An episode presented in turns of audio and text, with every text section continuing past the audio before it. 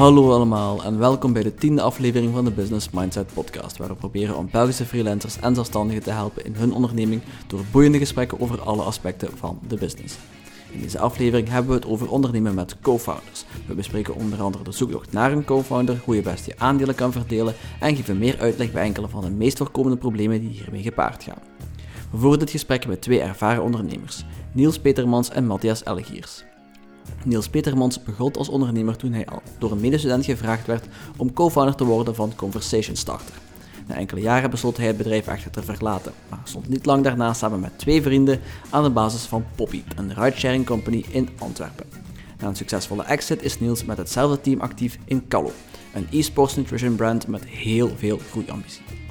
Matthias Elgiers stond mee aan de basis van het bedrijf Bubblepost, toen Bubble Taxi, samen met vier andere medestudenten. Al snel verliet hij het bedrijf en verhuisde hij naar de Verenigde Staten, waar hij samen met zijn vrouw Jazzwick oprichtte. Na een overname keerde hij terug naar België om hier vervolgens in 2018 Stashed Food op te richten, waarmee hij gezonde en vooral lekkere instant maaltijden klaarmaakt. Voor meer informatie over zowel mijzelf als alle gasten kun je altijd terecht in de description van deze episode. Daar vind je niet alleen een bio, maar ook social media links waar je hen kan bereiken. Dat was het laatste van mij. Hope you enjoy the episode.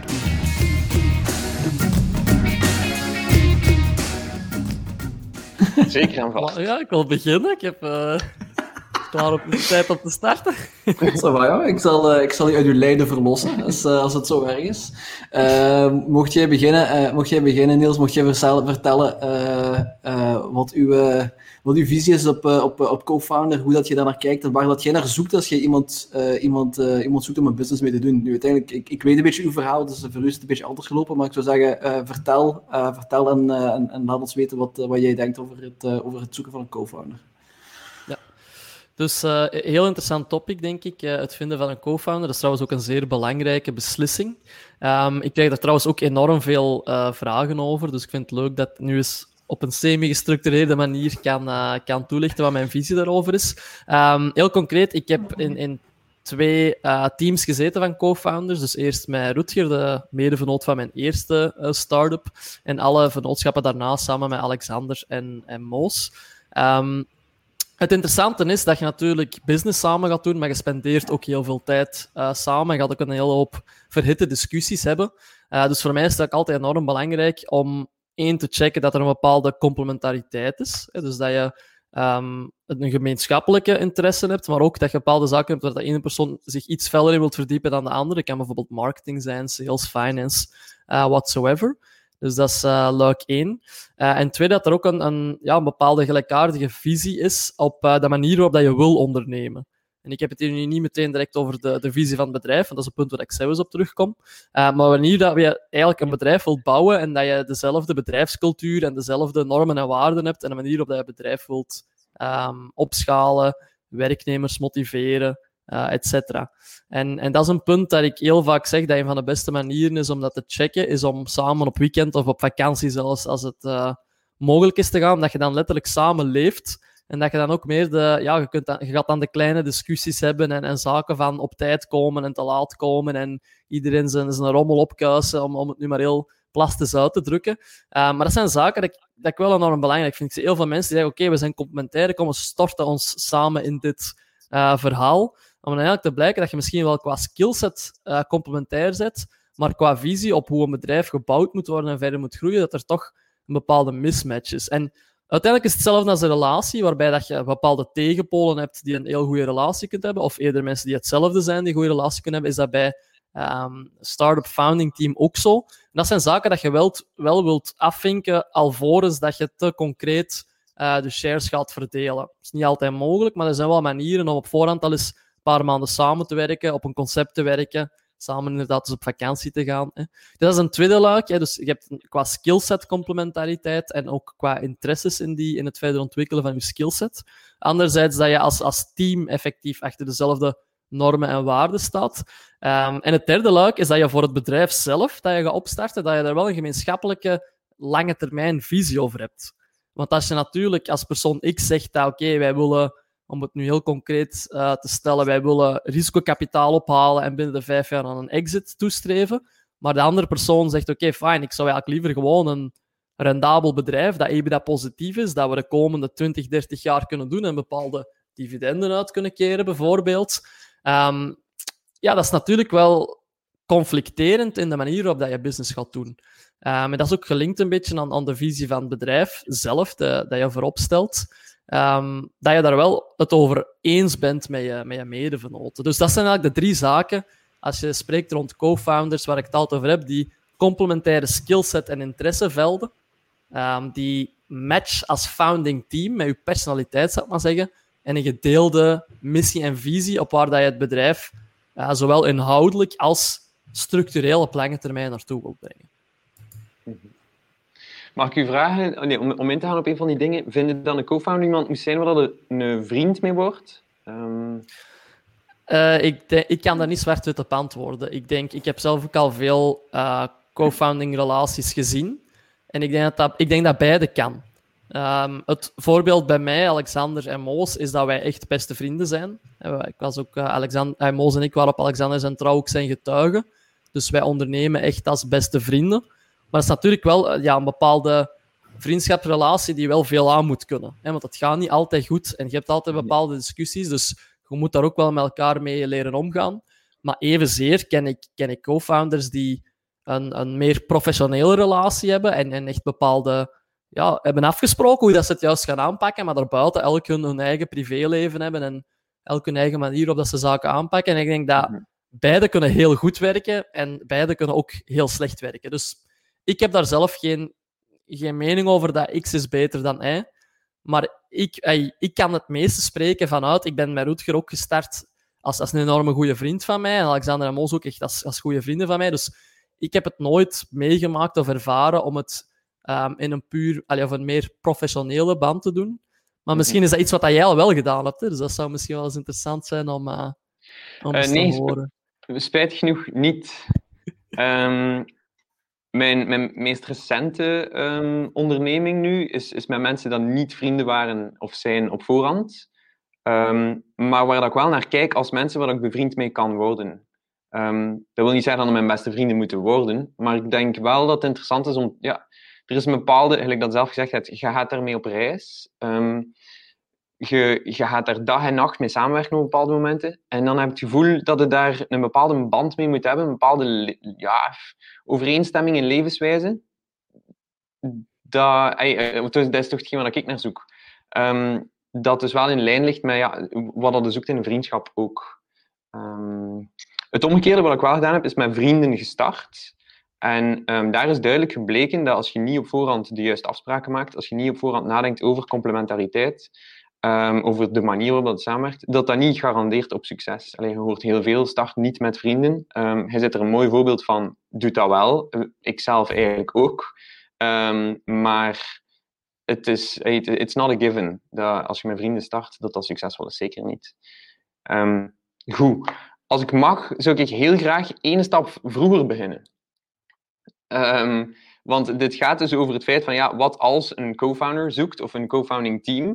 Maar um, de vraag die mij een aantal keer gesteld is geweest tijdens mijn zoektocht naar co-founders, is, ja, heb je een co-founder nodig? Zoek je effectief een co-founder? En wat betekent dat dus eigenlijk, een co-founder? Um, en na ja, lang zoeken en praten met veel mensen, heb ik de twee kanten eigenlijk overwogen. Van, ja, wil ik nu eigenlijk ja of nee een co-founder?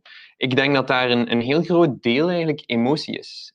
Um, een co-founder zoekt er niet om, om bepaalde taken op te lossen. Het is niet omdat je uh, marketingtaken hebt, dat je zegt van, ah weet ik, ga een marketing co-founder zoeken. Nee, het is omdat je een co-founder nodig hebt, omdat je een ondernemer nodig hebt die met u emoties deelt. Um, die, die die rollercoaster van een start-up doorduwt. Um, dat is een co-founder. En dan inderdaad, zoals dat Niels zei, ja, zoekt er natuurlijk een bepaalde complementariteit. En dan iemand zegt van, oké, ik focus me veel meer op sales, op finance, op marketing. Um, maar, maar ik vind dat een vraag die, die bij veel mensen wel naar boven zal komen. en ik hoop dat komt. Is ja, wie heb ik een co-founder nodig en waarom heb ik een co-founder nodig? Ik wil even op inpikken. Um, ik heb, uh, in een van de vorige afleveringen hebben we, hebben we gesproken met, uh, met Dirk Liefdes van Startup KBC. Ik denk dat jullie die beiden wel, uh, wel kennen. Um, Dirk gaf eigenlijk ook aan, want dat was eigenlijk ook een van de dingen die, die uiteraard naar boven kwamen. Um, Dirk zei toen dat het, dat het voor Startup KBC, nu dat is uiteraard de visie van één incubator uiteraard, en dat, dat, is uiteraard geen weerspiegeling van wat wel of niet mogelijk is, ehm, dat zij het, het liever hebben, of, of dat ze sneller toezeggen als er een co-founder is, maar dat ze vooral kijken naar mindset. Uh, en dat was eigenlijk een heel, een heel belangrijke uh, onderscheid dat hij maakte, omwille van het feit dat hij, hij zei van ja, kijk, als je, als je denkt dat je als, als uh, founder in eender welke capaciteit, of, of jij nu de marketingman bent, of je, dat je nu de technische persoon bent die, die, die de implementatie doet, uiteindelijk moet je kunnen inzien dat je, dat je bepaalde dingen dat je, dat je die uit handen gaat moeten geven, dat je die niet zelf gaat moeten kunnen. Um, en dat je, voor, dat je voor bepaalde dingen hulp nodig gaat hebben. En of dat nu is in de vorm van een co-founder, of dat is in de vorm van, uh, van een, een, manager die aanneemt, die op de payroll staat of iets dergelijks. Uh, ik denk dat dat niet zo heel veel uitmaakt. Uh, maar je moet wel durven toegeven dat je bepaalde tekortkomingen hebt en dat je openstaat voor, voor extra input van andere mensen. Ik denk dat dat, denk dat, dat een heel belangrijk aspect daarin is. Volledig. Um, kan daar niet meer mee eens zijn, als ik mag. Ja is, um, het is eigenlijk cliché. En, en het hele concept van co-founding teams en, en start-up teams, um, er bestaat heel veel content over. En dus ik denk, er bestaan heel veel clichés over. Um, maar het zijn ook clichés voor een bepaalde reden, omdat, er een heel, allez, omdat die heel toepasbaar zijn. Eén daarvan is procent van, van een Apple of een Amazon of een Facebook. Dat, is, dat is de vraag hier, vind ik, dat je in het begin ook stelt. Um, ja, een, een, founding team durven dingen afgeven, um, durven hulp vragen van buitenaf. Dat hoeft daarom niet altijd een co-founder te zijn, maar volledig mee eens. Je hebt, een team nodig. Alleen bouwen die geen enterprise. Is dat iets wat jij gedaan hebt, Matthias? Ik, eh, van Niels weet ik, uh, heb, ik het verhaal al gehoord, dus daar weet ik het ongeveer. Heb jij ooit alleen effectief gestart en daarna iemand bijgezocht? Of ben je echt ook uh, altijd bij, bij een groep betrokken geweest? Uh, nee, ik ben nooit alleen gestart. Ik heb het ooit geprobeerd eigenlijk. Dat moet, dus ja en nee. Ik noem het geen start omdat het heel vroeg uitgedoofd is geweest. Omdat ja. het, het, het, alleen trekken, het, het gaat niet, vind ik. En dat is bij mij dan ook vooral het emotioneel gedeelte. Heb vragen, heb onzekerheden, altijd. Um, die moeten kunnen delen met iemand. Je moet kunnen bouncen. En, en een adviseur die er dan één keer in de week zelf ziet, wat al veel is voor een advisor, um, it, it doesn't doesn't pull it off. Je, je, moet heel regelmatig basis samenzitten en je moet weten dat degene die naast of voor u zit um, door hetzelfde gaat als u. Dus um, ja, ik heb het ooit geprobeerd, ik heb dat heel snel gestopt. Mijn, uh, de, projecten die, die zichtbaar zijn, die ooit het daglicht gezien hebben, zijn allemaal met een founding team van de start. Ja. En uh, is, is dit wat je zelf uh, altijd naar, naar gezocht hebt actief? Wist je dat van jezelf of heb je dat moeten ontdekken gaandeweg? Wat was, de, was de eerste start-up? Dat was, dat was met een team of was dat die, die, die je zonder, uh, die alleen gestart bent? Um, ik moet zorgen dat ik, hoe, hoe dat ik antwoord op die vraag. um, de, waarom? Dus mijn eerste start-up die ik ooit gestart heb is Bubble. Um, Bubble Post. Ja, allervroegste dagen was dat Bubble Taxi in feite. Um, en we zijn gestart met vijf personen. Dat begon als een idee met drie en dan zijn er twee bijgekomen, organisch, voordat dat eigenlijk ooit daglicht gezien heeft. Um, maar op het moment van start, op het moment van incorporation, waren we met vijf. En dat is dus organisch gegroeid met initieel een, een, een team van mensen die we kenden van op school. Dat is een van de vragen die ik vind die, die kunnen beantwoord worden. Is hoe vinden een, een, een founding team? Hoe vinden een, een founder? Um, dat is geen simpele opdracht. En, en dat is initieel in mijn carrière begonnen ja, van, van op school. Dat zijn mensen waarmee dat je samengewerkt hebt. Dat zijn mensen waarmee dat je weet van hoe, hoe werkt dat hier precies. Um, en uh, dat groeit organisch op die manier. Dus dat, dat was de eerste, um, de eerste ervaring. De tweede ervaring dan, Jazzwick, was um, een groot deel hetzelfde team. Um, daar was het eigenlijk hetzelfde, een groot stuk hetzelfde team van, van Bubble. En dan hebben we ja, een aantal mensen vervangen eigenlijk. Er zijn een aantal mensen bij Bubble gebleven. Er zijn een aantal mensen begonnen met Jazzwick, nieuwe mensen die we, vrienden eigenlijk ook, die we gevonden hebben via school. Wat ik ook interessant vind aan het, uh, aan het, uh, het Bubble Taxi verhaal, want dat was, trouwens heel grappig, want ik heb heel lang moeten zoeken op, uh, op de Kruispunt Bank voor Ondernemingen dat ik een naam effectief gevonden had. want ja, Bubble, Bubble Post had ik eerst gezocht en dat was, dat was nachtmerrie. Maar goed, ander verhaal. Um, ik had inderdaad gezien dat je daar met vijf op staat, maar in de meeste van de artikels die, die ik daarover gevonden heb, wordt er eigenlijk maar over drie personen gesproken. Ja. Uh, wat, wat, wat heel bizar was. Ik weet niet, is daar een speciale reden voor? Of heb je jezelf daar al op de achtergrond gezet? Want jouw naam kwam eigenlijk nergens naar boven. Ja. We hebben onszelf heel snel um, naar achter geschoven. Wij waren nog student. Met wij bedoel ik ik en um, mijn founding partner um, Sam. wij waren studenten. We waren, dat idee was begonnen. We gaan op die doen. We gaan op die manier doen met studenten. en dan is eigenlijk Sam zijn broer en twee andere genoten. Dat is Anthony en uh, Michel. Um, die hebben daar veel meer kracht bij gezet. Die, die stonden niet verder in hun leven, die hebben daar ook veel meer kracht bij gezet. Wij hebben op dat moment meegewerkt, wij zijn beginnen rondrijden en doen wat er nodig was. Um, ik ben dan een jaar in dat bedrijf um, verhuisd, dus na mijn studies verhuisd naar Amerika. wat op dat moment voor Bubble compleet nutteloos was. En dan heb ik ook eerlijk gewoon gezegd van ja, sorry, mijn toekomst ligt ergens anders en ik verkoop mijn aandelen. Um, voor Sam was het eigenlijk gelijkaardig, maar dan um, ja, verder gaan studeren. Hij is, is, twee jaar langer gaan studeren, was ook, ik kan hier niet aan bijdragen. Zolang dat je goed praat, is dat allemaal eigenlijk heel goed te doen. Um, vandaar dat Bubble, het, ja, het team die dat het groot gemaakt heeft, zijn maar drie personen. Ja. Alleen maar.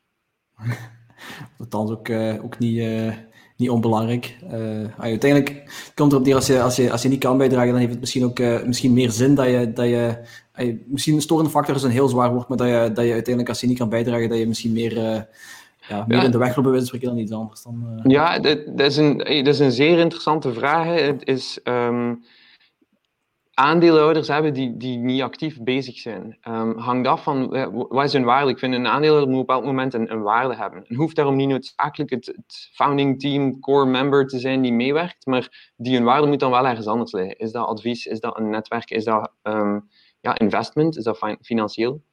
Maar dat was ik in, in, op alle vlak niet in, in dat eerste verhaal. Um, een zeer moeilijke keuze, vind ik, voor uh, een ondernemer, is je moet ook nee durven zeggen. Als ondernemer zie je opportuniteiten. Um, en je moet veel nee durven zeggen om je te kunnen focussen op, op de bepaalde opportuniteit waar dat effectief voor wil gaan.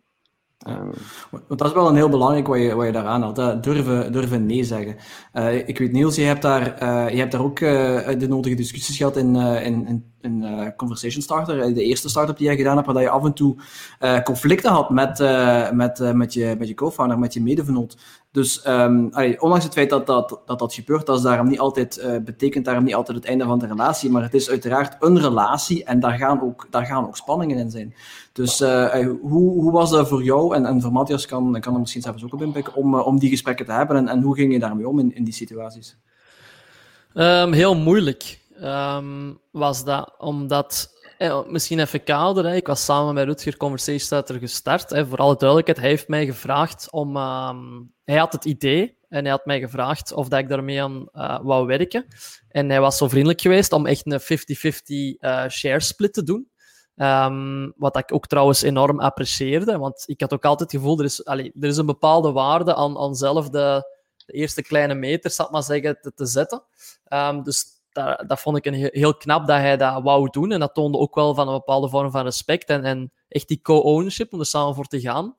Um, maar we hebben ook in het begin een paar lastige discussies niet gehad. En ik denk dat dat vooral te wijten is aan uh, immaturiteit en het feit dat er een vriendschap is en dat je schrik hebt om die op het spel te zetten.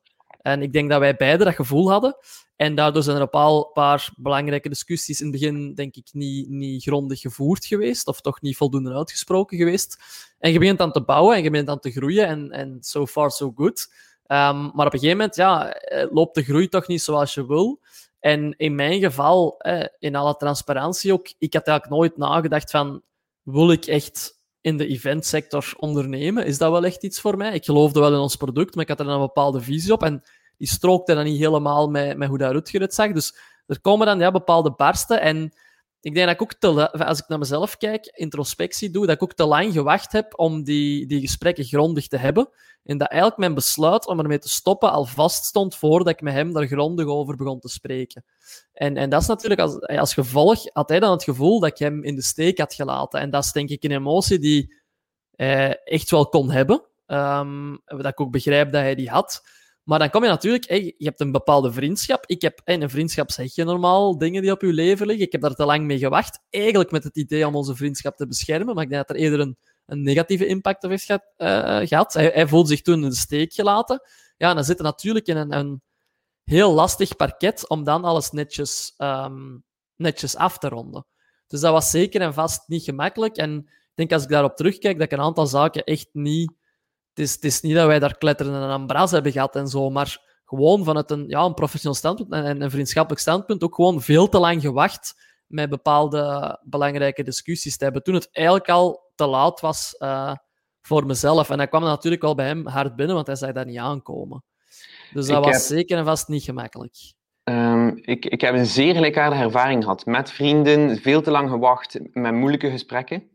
Um, en dus is mijn vraag naar u ook, hoe zouden aanraden om, want ik kan me perfect voorstellen dat er heel veel mensen van de luisteraars hier daar, um, daar dus diezelfde problemen mee gaan hebben. Hoe zouden die nu aanpakken? We dat weten wat dat weet. Op welk moment zouden dat opbrengen? Of hoe zouden, wat, wat had je nodig op dat moment om dat gesprek wel aan te kaarten? Ik denk dat wij beter expliciete momenten hadden ingepland om met elkaar te praten. Hoe gaat het met elkaar? Dat is iets wat wij... Je praat dan wel als vrienden, maar het is toch altijd een beetje in functie van het bedrijf. En, en je wilt ook niet jezelf zwak opstellen, want je wilt elkaar niet teleurstellen. Ik denk, hadden wij misschien um, expliciete momenten ingelast om even van, hoe gaat het nu met u? Hè? Zijn, we, zijn we allebei gelukkig met wat we aan het doen zijn? Zijn er zaken die we tegen elkaar willen zeggen dat misschien toch even wringt?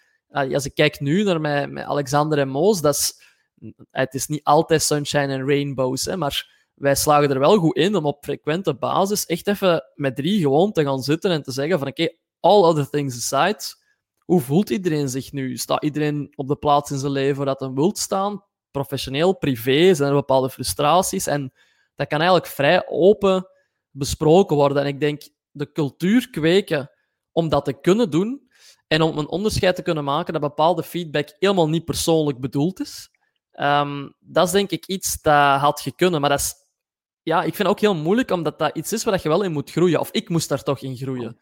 Um, maar ik denk dat de foundations leggen van een founding team, dat ook op, op vriendschap gebouwd is, om daar tijdig mee te starten met voldoende momenten dat er op de rem wordt gestaan, om daar expliciet over te praten. Ik denk dat dat wel iets is wat um, ja, wat wel dingen kan, ja, die, die, communicatie kan bevorderen, om daar expliciet over te, over te praten. Maar wat je nu zegt, Niels, dat zijn dingen als. dat is als de onderneming al, al, al vertrokken is. Hè? Dus terwijl dat je bezig bent met ondernemen, dat je regelmatig die, die momenten inplant. Maar wat je ook zei in je, in je, uh, uh, in je opmerking daarnet was, um, in het begin heb je dat ook niet gedaan. In het begin heb je ook nee. niet samengezet en ook, ook niet uh, allez, afgetoetst met elkaar van wat nu eigenlijk de visie was van het bedrijf en waar je eigenlijk naartoe wilde en dergelijke. Um, ik vond zelf dat dat ook, allee, dat dat ook geholpen had als je dat op voor van elkaar ook mhm. geweten had. Dus, dus allee. Ja, ik denk dat we in het begin uh, allebei het gevoel hadden dat we dat gedaan hadden, maar dat we dat niet voldoende uitgepuurd hadden. Uh, ik denk dat dat een oefening was die wij, wij hebben die wel degelijk, we hebben een bepaalde visie en, en doelstelling voor conversations staat er in het begin opgesteld, die, waar dat ik mij goed bij voelde en waar dat hij zich goed bij voelde. Maar ik denk dat, we die, ja, dat dat een oefening was die we op zich te naïef en te vlot gedaan hebben. En hey, in retrospect is het altijd makkelijk om, om dingen te analyseren en te zeggen. Maar ik denk zelfs, en, en, en daar ben ik nu super eerlijk in, ik denk zelfs dat als we misschien toen nog dieper hadden gegaan, dat er mogelijk ook nog geen probleem blootgesteld uh, was. Ik denk in het proces van ondernemer te worden en, en in dat proces geconfronteerd te worden met zaken zoals fundraising, zaken zoals dingen waar je allebei enorm in gelooft, maar die dan toch niet lukken, zaken waar dat de een niet gelooft, maar de andere niet wilt. Ik denk doorheen dat proces, um, ja, dat dat, dat, dat, ja, dat, dat, dat zo'n beetje gebeurt. Dus, dus ik vind het heel moeilijk om, om nu op die vraag te antwoorden en zeggen, het is, het is exact dat wat dat je moet doen. En dan kun je dat probleem voorkomen. Ik denk in het proces van ondernemer te worden, je verandert ook wel een beetje als persoon. Ja, want je gaat ook anders kijken naar uitdagingen, naar opportuniteiten. En ja, ik, ik denk first-time founder is gewoon fucking moeilijk. Uh, ik denk dat... uh, ja, second time en third time, sorry. Maar, maar, ik denk, het, het, dat aspect waar we het nu heel specifiek over hebben, is die alignering met co-founders, dat blijft moeilijk. Maar dat is wel iets waar je een bepaalde maturiteit in kunt kweken en, en waar je sneller zaken kunt signaliseren en ook daar comfortabeler bij voelt om dat te zeggen en ook bepaalde feedback te ontvangen, dat je niet direct op je paard zit. Uh, ik denk dat in het begin, door, door jong te zijn um, en, en door daar geen ervarenheid in te hebben, en, en sometimes it turns out and sometimes it doesn't, that's life. Um, maar ik denk dat eigenlijk het proces van het op te starten en het daar aan te pakken, dat had moeilijk anders kunnen lopen. Eén ding wat we misschien echt wel beter hadden kunnen doen, is de discussie wie is de CEO en waarom. Ehm, want die discussie is gebeurd geweest, maar half gemeden. En we zien wel, afhankelijk van hoe het bedrijf evolueert, en X en Y en Z. En het zal ook allemaal zo wel kunnen lopen, maar het, het heeft heel lang geduurd voordat er expliciet kon, kon uitgesproken worden. En of dat dan een, een, een discussietopic was, dat er dan soms ook andere meningen bij waren. En, en ook de vraag van, je zet bij de aandeelhouder, wat, wat, is, wat betekent dat dan? En je hebt een CEO en, en, en een andere vernoot die een andere rol heeft. Hoe zit dat dan juist? Hè? Dat, dat, dat, dat zijn dingen die wij in het begin, denk ik, ja, misschien dat wel. Nu dat we het daarover hebben, ik denk dat dat beter had besproken kunnen zijn. Wat is de exacte rol in het bedrijf? Ook echt die functie, want it's just a title, but it is a title, right? Mhm. Ehm, dus ik denk als founding team in het begin, doesn't really matter. Maar op een manier, it does matter. Hè? Want wie, eh, de investeerder stuurt naar de CEO. En een potentiële investeerder stuurt naar de CEO. En de CEO wordt gevraagd voor de interviews. En that's just the reality. En dat zijn gesprekken dat je, dat je moet hebben. En ehm, ik denk dat ik zelfs in mijn, eh, in mijn jonge enthousiasme daar een, een ander beeld over had. Nu bij ons, Alexander is de CEO. Ik voel me daar volledig comfortabel bij. Ik ben heel blij dat hij bepaalde taken kan doen dat ik niet moet doen. Ehm, dus dat is, dat is, ik ben er ook wel in gegroeid. Ehm, dat zeker en vast. Wel, ik denk, het is, ja, het is die taakverdeling die het een stuk doet. Het is de verwachtingen die dat creëert. Je moet weten, en, en dat vind ik dan ook heel interessant, eigenlijk zeer vroeg in het gesprek van wilde een co-founder, wie is uw co-founder en zij de complementair, is jezelf kennen. Je moet jezelf zeer goed kennen van wat zijn de dingen die ik graag doe, die ik goed kan, ehm, waar dat ik eigenlijk energie uithaal om te doen. En op die manier kun je inderdaad ja, die, hopelijk de juiste verwachtingen stellen. Ehm, hetgeen wat je zegt is, is 100% juist. Ik sluit me daar volledig bij aan. Je raakt wel op gigantisch veel topics. Ehm, feedback geven en krijgen. Super moeilijk. Hoe dat je dat doet, dat is een, dat is een les dat heel lang duurt. Ehm, vertrouwen creëren, dat je kunt, ehm, ja, kunt dingen spreken en, en emoties kunt uitbrengen. Van ja, kijk, ik, ik voel mij zo ik voel mij zo. Dat er een plaats is waar dat, dat kan. Ehm dan kun je zoveel hulp, legal en advice krijgen dat je wilt. Dat is wat we een paar keer gedaan hebben. Hè. Je stelt zo'n bepaald document op, op voorhand. Ehm, een shareholder agreement. En daar staat alles uitgesteld. Bad lever, good lever, al die dingen staan daarin. Ehm, met respect, dat helpt niet. Het helpt als het allemaal kapot gegaan is en je moet uiteen gaan. Dus eigenlijk als alles mislukt is, dan helpt dat u om het nog op te lossen. Maar eigenlijk is, is de bedoeling dat, dat het daar nooit terecht komt. De enige manier om daar niet terecht te komen is hetgeen wat hij eigenlijk net allemaal verteld is. Zorg dat er regelmatig praat, dat er plaats voor is. ehm, en dat je verwachtingen juist zijn, dat je taakverdeling juist is, dat je jezelf genoeg kent om te weten van wat die ding is. Ehm, hey, dat is het, eigenlijk een herhaling of een toevoeging aan hetgeen dat zegt. Ehm, Iets gestructureerder dan, eh, dan mijn verhaal, maar eh, ik, eh, ja, zeker. En, ah, ik denk dat zelfkennis en ja, dat is ook iets met, met ouder te worden en met bepaalde maturiteit te krijgen, dat je, daar, dat je er ook anders mee omgaat. Maar ik denk dat zelfkennis ook wel heel, belang, heel belangrijk is in dat verhaal. En ook durven kwetsbaar op te stellen. Ehm, Oh, dat dat ook, allee, ik denk dat dat daar ook wel heel belangrijk is in, in, in dat verhaal. Ja. Is het ook niet voor een stuk durven de belangrijke beslissingen nemen? Want wat je nu zegt, eh, eh, dus wie is de CEO? Eh allee, 100% akkoord, het is maar een titel en, en, en who fucking cares? Uiteindelijk, eh, je, je, je draagt samen mee aan het geheel, maar, maar uiteindelijk, ehm, als er een bepaalde beslissing genomen moet worden en je zet met een 50-50 split in je aandelen, dan wordt er geen beslissing genomen. Eh, Exact, dan blijft dat wat aanmodderen. Dat is wat Ja. Dus, maar Ja. eh, is dat ook niet voor een stuk dat je, dat je zeker als je jong bent, dat je, dat je die beslissingen nog gewoon niet durft nemen, om, om, eh, om weet ik veel welke reden dan ook? Ehm, Ja, ja, misschien wel. Ja.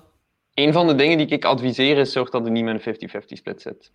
Ehm, je doet dan 50 plus 1 share ehm, en 50 minus 1 share. Of zorg dat met, met 3 zit misschien. Ehm, misschien best niet met 8. maar het, de kans op een padstelling is, is veel te groot. Dat, heeft geen, dat is gevaarlijk. Ja. Heb je dat zelf ook al zo tegengekomen dan? Dat is uit ervaring dat je nu spreekt, veronderstel ik? Ja, zeker. Was, we waren met 8 hè, bij Jaswick. Ja, oké. Ehm, ja, met acht is, is, is belachelijk, dat, dat gaat niet. Ehm, er is niemand die, die duidelijk een leiding heeft over een bepaald topic en daar kun je niet vooruit. Ehm, aan de andere kant, ja, als je met 50-50 zit en je bent oneens, en dus van ja, ik kies dat en ik kies dat, dat kan, dat kan perfect. En beide kunnen juist zijn, beide kunnen fout zijn. Een bedrijf heeft niet één enkel juiste manier vooruit. Ehm, maar je moet gewoon een keuze maken. Uh, en dus de vraag is, ja, wie maakt die keuze? Die moet op voorhand afspreken, volledig mee eens je kunt die ook verdelen. Hè. Je kunt zeggen van kijk, dat is de persoon die veel meer kent over marketing of de persoon die veel meer kent over finance. Wel, geef die keus dan aan die persoon. Dan die maar dat is nog de CEO die dat moet doen. Hè. Dat is nog de CEO die daar de beslissing moet maken en de verantwoordelijkheid moet nemen van kijk, ik geef het nu door aan, aan persoon X of persoon Y, denk ik dan. Want uiteindelijk, uh, je geeft voor een stuk uw verantwoordelijkheid, uw, uw merendeel van shares uit handen aan persoon X of Y, uh, omwille van, van, van die en die reden. Uh, ja, dus eigenlijk is dat, ja, dat is juist kunt dat op voorhand waarschijnlijk een stuk beslissen. Of, um, zoals al zegt, ja, de CEO op dat moment laten beslissen. Dat weet ik eigenlijk niet. We hebben nooit echt met een CEO gewerkt. En ik denk dat dat um, een van ons, ons, ons tekortkomingen, is, die, eh, tekortkomingen is, die we wel beter zouden doen. Dus kijk eerder naar Niels op dat vlak van ja, eh, CEO-roles. Nou, ja, ik denk bij ons, eh, misschien om daar iets over te zeggen, is dat als wij het oneens zijn in een bepaalde richting dat we moeten uitgaan, ik heb het niet over fundamentele zaken. Hè. Ik heb het niet over ga de fundraisen of niet, want dan, eh, dat is een andere discussie. Hè. Mm -hmm. um, een fundraise-strategie of niet, dat is, allez, als je het daar niet over oneens zet, als je daarover oneens zet, dan mogelijk structurelere problemen. Maar als we kijken naar hè, die, die dagdagelijkse padstellingen, of misschien bepaalde strategische uh, richtingen dat er wordt uitgegaan, wij proberen altijd dat in een een wij zijn heel vaak fan van experimenten, groot en klein. En um, als we dan zeggen van oké, er is iemand die zegt van oké, ik denk dat daar echt wel een opportuniteit ligt. En de anderen zeggen van not sure, but might believe your hunch. En ik ben eigenlijk daar zelf niet 100% zeker van. Dan proberen wij dat echt te zeggen van oké, okay, dat is een bepaalde hypothese. En in welk framework kunnen we die hypothese um, kunnen we die testen? En, en kan er een bepaalde validatie komen op dat idee dat er is? En meestal als we dat op die manier wat proberen te, te die hunch proberen te objectiviseren en dat hem dan zowel objectief als subjectief gezien klopt, kunnen wij ons er wel maar altijd met drie achter zetten, het maximaal uit de kan halen en dan is er achteraf ook geen hate to say I told you so. Het is een beetje van, oké, we, hebben een experiment opgesteld, dat was een voorstel van iemand, we zijn er volle voor gegaan en um, ja, it didn't work out or it did work out. En dat werkt bij ons best wel, uh, best wel goed. Hè? Dus ik denk dat dat één ding is dat bij ons werkt. Als we specifiek naar de, um, ja, de CEO-titel uh, gaan kijken, bij ons is dat echt wel van... Dat is, Alexander is degene die met de pers praat. Alexander is degene die de onderhandelingen doet uh, voor de grote deals. Het interessante aan die structuur bij ons is dat wij altijd good cop, bad cop kunnen spelen in dat verhaal. Hè, want Alexander is altijd de bad cop. Um, en dat is soms niet leuk. En, en dat zegt hij zelf ook wel soms. Maar allee, uh, ik ben nu een beetje het overdrijven bij het kop, hè, maar in de zin van als we in een bepaalde onderhandelingspositie um, zitten, dan, dan kan hij wel degene zijn die het gewicht legt. En het zit ook, ook in heel domme dingen, want soms zijn er bepaalde partnerships die ik probeer te sluiten. En dat loopt dan heel moeizaam.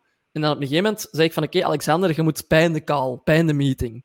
en, en dan zeg je, ah ja, en wat moet er juist besproken worden? En dan zeg ik, ah ja, ik, dat is wat we proberen te bereiken. En dan komt hij gewoon mee en die herhaalt eigenlijk in andere woorden wat ik zeg. En ineens kan een deal wel lukken.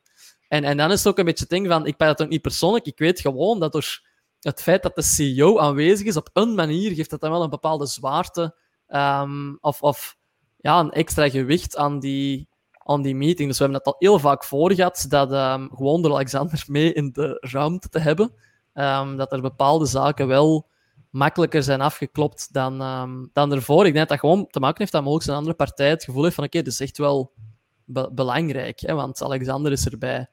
Dus um, ik denk dat is zo'n beetje het, uh, hoe, allee, hoe het, het CEO-schap een beetje bij ons loopt. Um, en ja, Alexander voelt zich daar heel comfortabel in en wij vertrouwen hem daar ook, ook blindelings in. Dus is er ooit discussie geweest bij, bij, bij eender wie? Allee, is daar ooit wat, wat, ego bij daar kwam kijken van, van nee, ik wil CEO zijn of ik wil CEO zijn? Is dat ooit geweest? Is, dat is nooit gebeurd bij, uh, bij ons drie. Je moet eigenlijk, we hebben elkaar intern zo wat bepaalde nicknames uh, gegeven. Uh, Alexander is de Rainmaker. Dat is eigenlijk, hij kan het beste van iedereen de grote deals sluiten.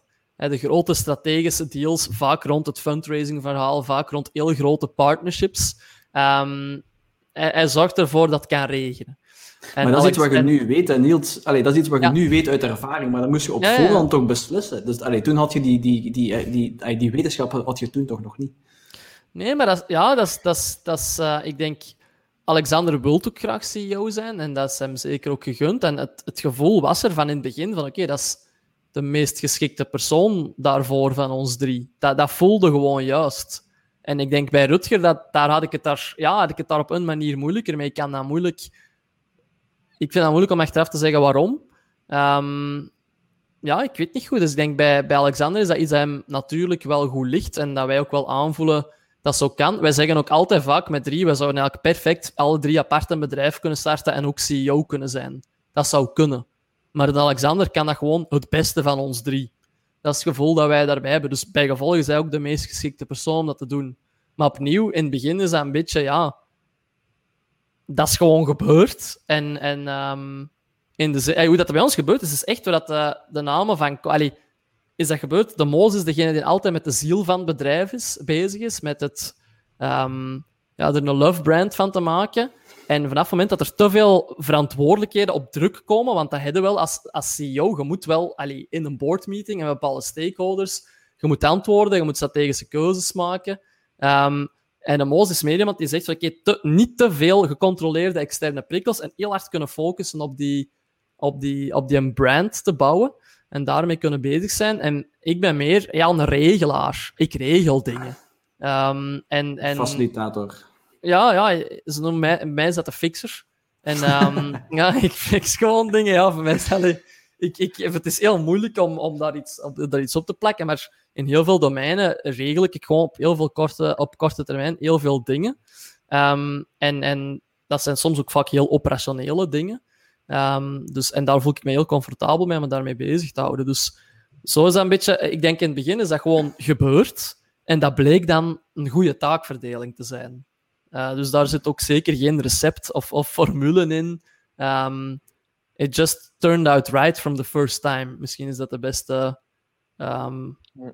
Daar hebben dan, dan wel chance gehad. Hè? Um, nu, ik hoop ja, voor de meeste mensen dat dat het geval is. wij hebben daar wel degelijk problemen mee gehad van ja, wie is nu de, de CEO en, en wat betekent dat eigenlijk, CEO zijn? Ik denk dat daar terug naar hetgeen wat we vorige keer gezegd hebben, en wat we in het begin gezegd hebben een stuk. Um, ik denk dat, dat interessant is dat hier het vertrouwen in de plaats geeft om zo dingen te testen. En indien iets niet goed loopt, zonder al te veel um, ja, persoonlijke aanval, um, ja, feedback te geven. Dan kijk, dit loopt niet ideaal, kan dat niet op die of op die manier. Ik heb zoiets meegemaakt waarin dat er twee personen voor een CEO-rol eigenlijk gingen, of die eigenlijk ja, echt wel CEO-capaciteiten uh, toonden, maar twee drastisch verschillende. Eén zeer gecontroleerd, um, één zeer um, ja, conservatief, maar gestructureerd. Um, een ander zeer chaotisch en, en ja, looking far into the future. En, en ja, die, die, twee, die twee botsten, dat, dat ging gewoon niet samen. Je kon niet samen aan het roer staan. Dus ofwel was het het een, ofwel was het ander, punt uit. En als je daar op dat moment niet um, de juiste gesprekken voor hebt, als je daar op dat moment niet ja, volwassen genoeg mee omgaat en desnoods begeleiding hebt van, van mensen die ervaring hebben of zo, um, ja, dan, dan, dan loopt dat vast. Daar raakt er niet, niet, niet vooruit. Dus mijn vraag zou eerder zijn van, hoe hebben, hebben jullie zo gesprekken gehad misschien um, rond het CEO-schap? En zijn er tips, I, don't know, questions die je kunt, die, die kunt vragen?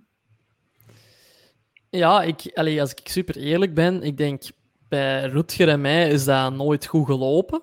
Dus daar, en wij zijn er ook niet uitgeraakt uh, op het einde. Dat is niet de hoofdreden waarom dat wij uh, dan besloten hebben om onze paden daar te laten scheiden. Maar dat is ik kan niet zeggen hoe dat opgelost zou geraakt zijn. Het is ook niet opgelost geraakt. en bij um, met, ja, met Alexander en Moos is dat een. een ik, ik, ik, allee, ik moet mijn eigen daar ook voor in, in mijn arm knijpen, maar dat is gewoon in zijn plooi gevallen. Is, ik kan daar eigenlijk weinig tips over geven hoe je, hoe je dat best zou, zou kunnen aanpakken. Dat is gewoon vanaf dag één zo gebeurd, door omstandigheden en, en hoe dat die opportuniteit bij Poppy toen is opgestart en hoe dat, dat gelopen is. En dat is dan gebeurd. En dat bleek dan ook heel goed te gaan. En dat blijkt vandaag de dag ook nog altijd um, heel goed te gaan. Dus ik kan eigenlijk, allez, misschien een beetje teleurstellend, maar ik kan daar eigenlijk weinig. Ik ga ook niet dingen verkondigen waar ik, waar ik het niet, niet, niet in geloof, niet achter sta of niet, niet voel dat meewerken is. Dat, is. dat is bij ons gewoon gebeurd. En dat bleek dan, en blijkt dan ook een, een, een heel goede uh, constructie te zijn. Als Heeft dat zich achteraf nog, uh, nog terug uh, tegen jullie gekeerd, Matthias? Dat, dat er zo die discussie is geweest tussen die twee personen? Oeh, zeker en vast. Ja, zeker en vast. Um, dat is compleet ontploft. Dat, uh, dat was bijna de ondergang van heel het bedrijf geweest. We hebben ook op dat moment het bedrijf gesplitst in twee bedrijven, onder dezelfde naam. Um, geografisch gesplitst. En um, uiteindelijk is dat opgelost geraakt, dat conflict, door um, een externe overnemer, die dat bedrijf, die interesse had in het bedrijf, zoals dat op zijn minst ja, digitaal naar voren kwam. Die hebben dat dan ook effectief overgenomen. En op dat moment zit, ja, zit het CEO-schap in, in een andermans handen. En kon het team perfect samenwerken. En dus het concept dat dat team goed kon samenwerken, zat eigenlijk wel goed.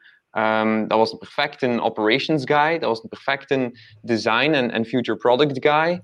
Um, maar dat was, uh, dat was een ramp, een ramp om, om als twee CEO's te fungeren.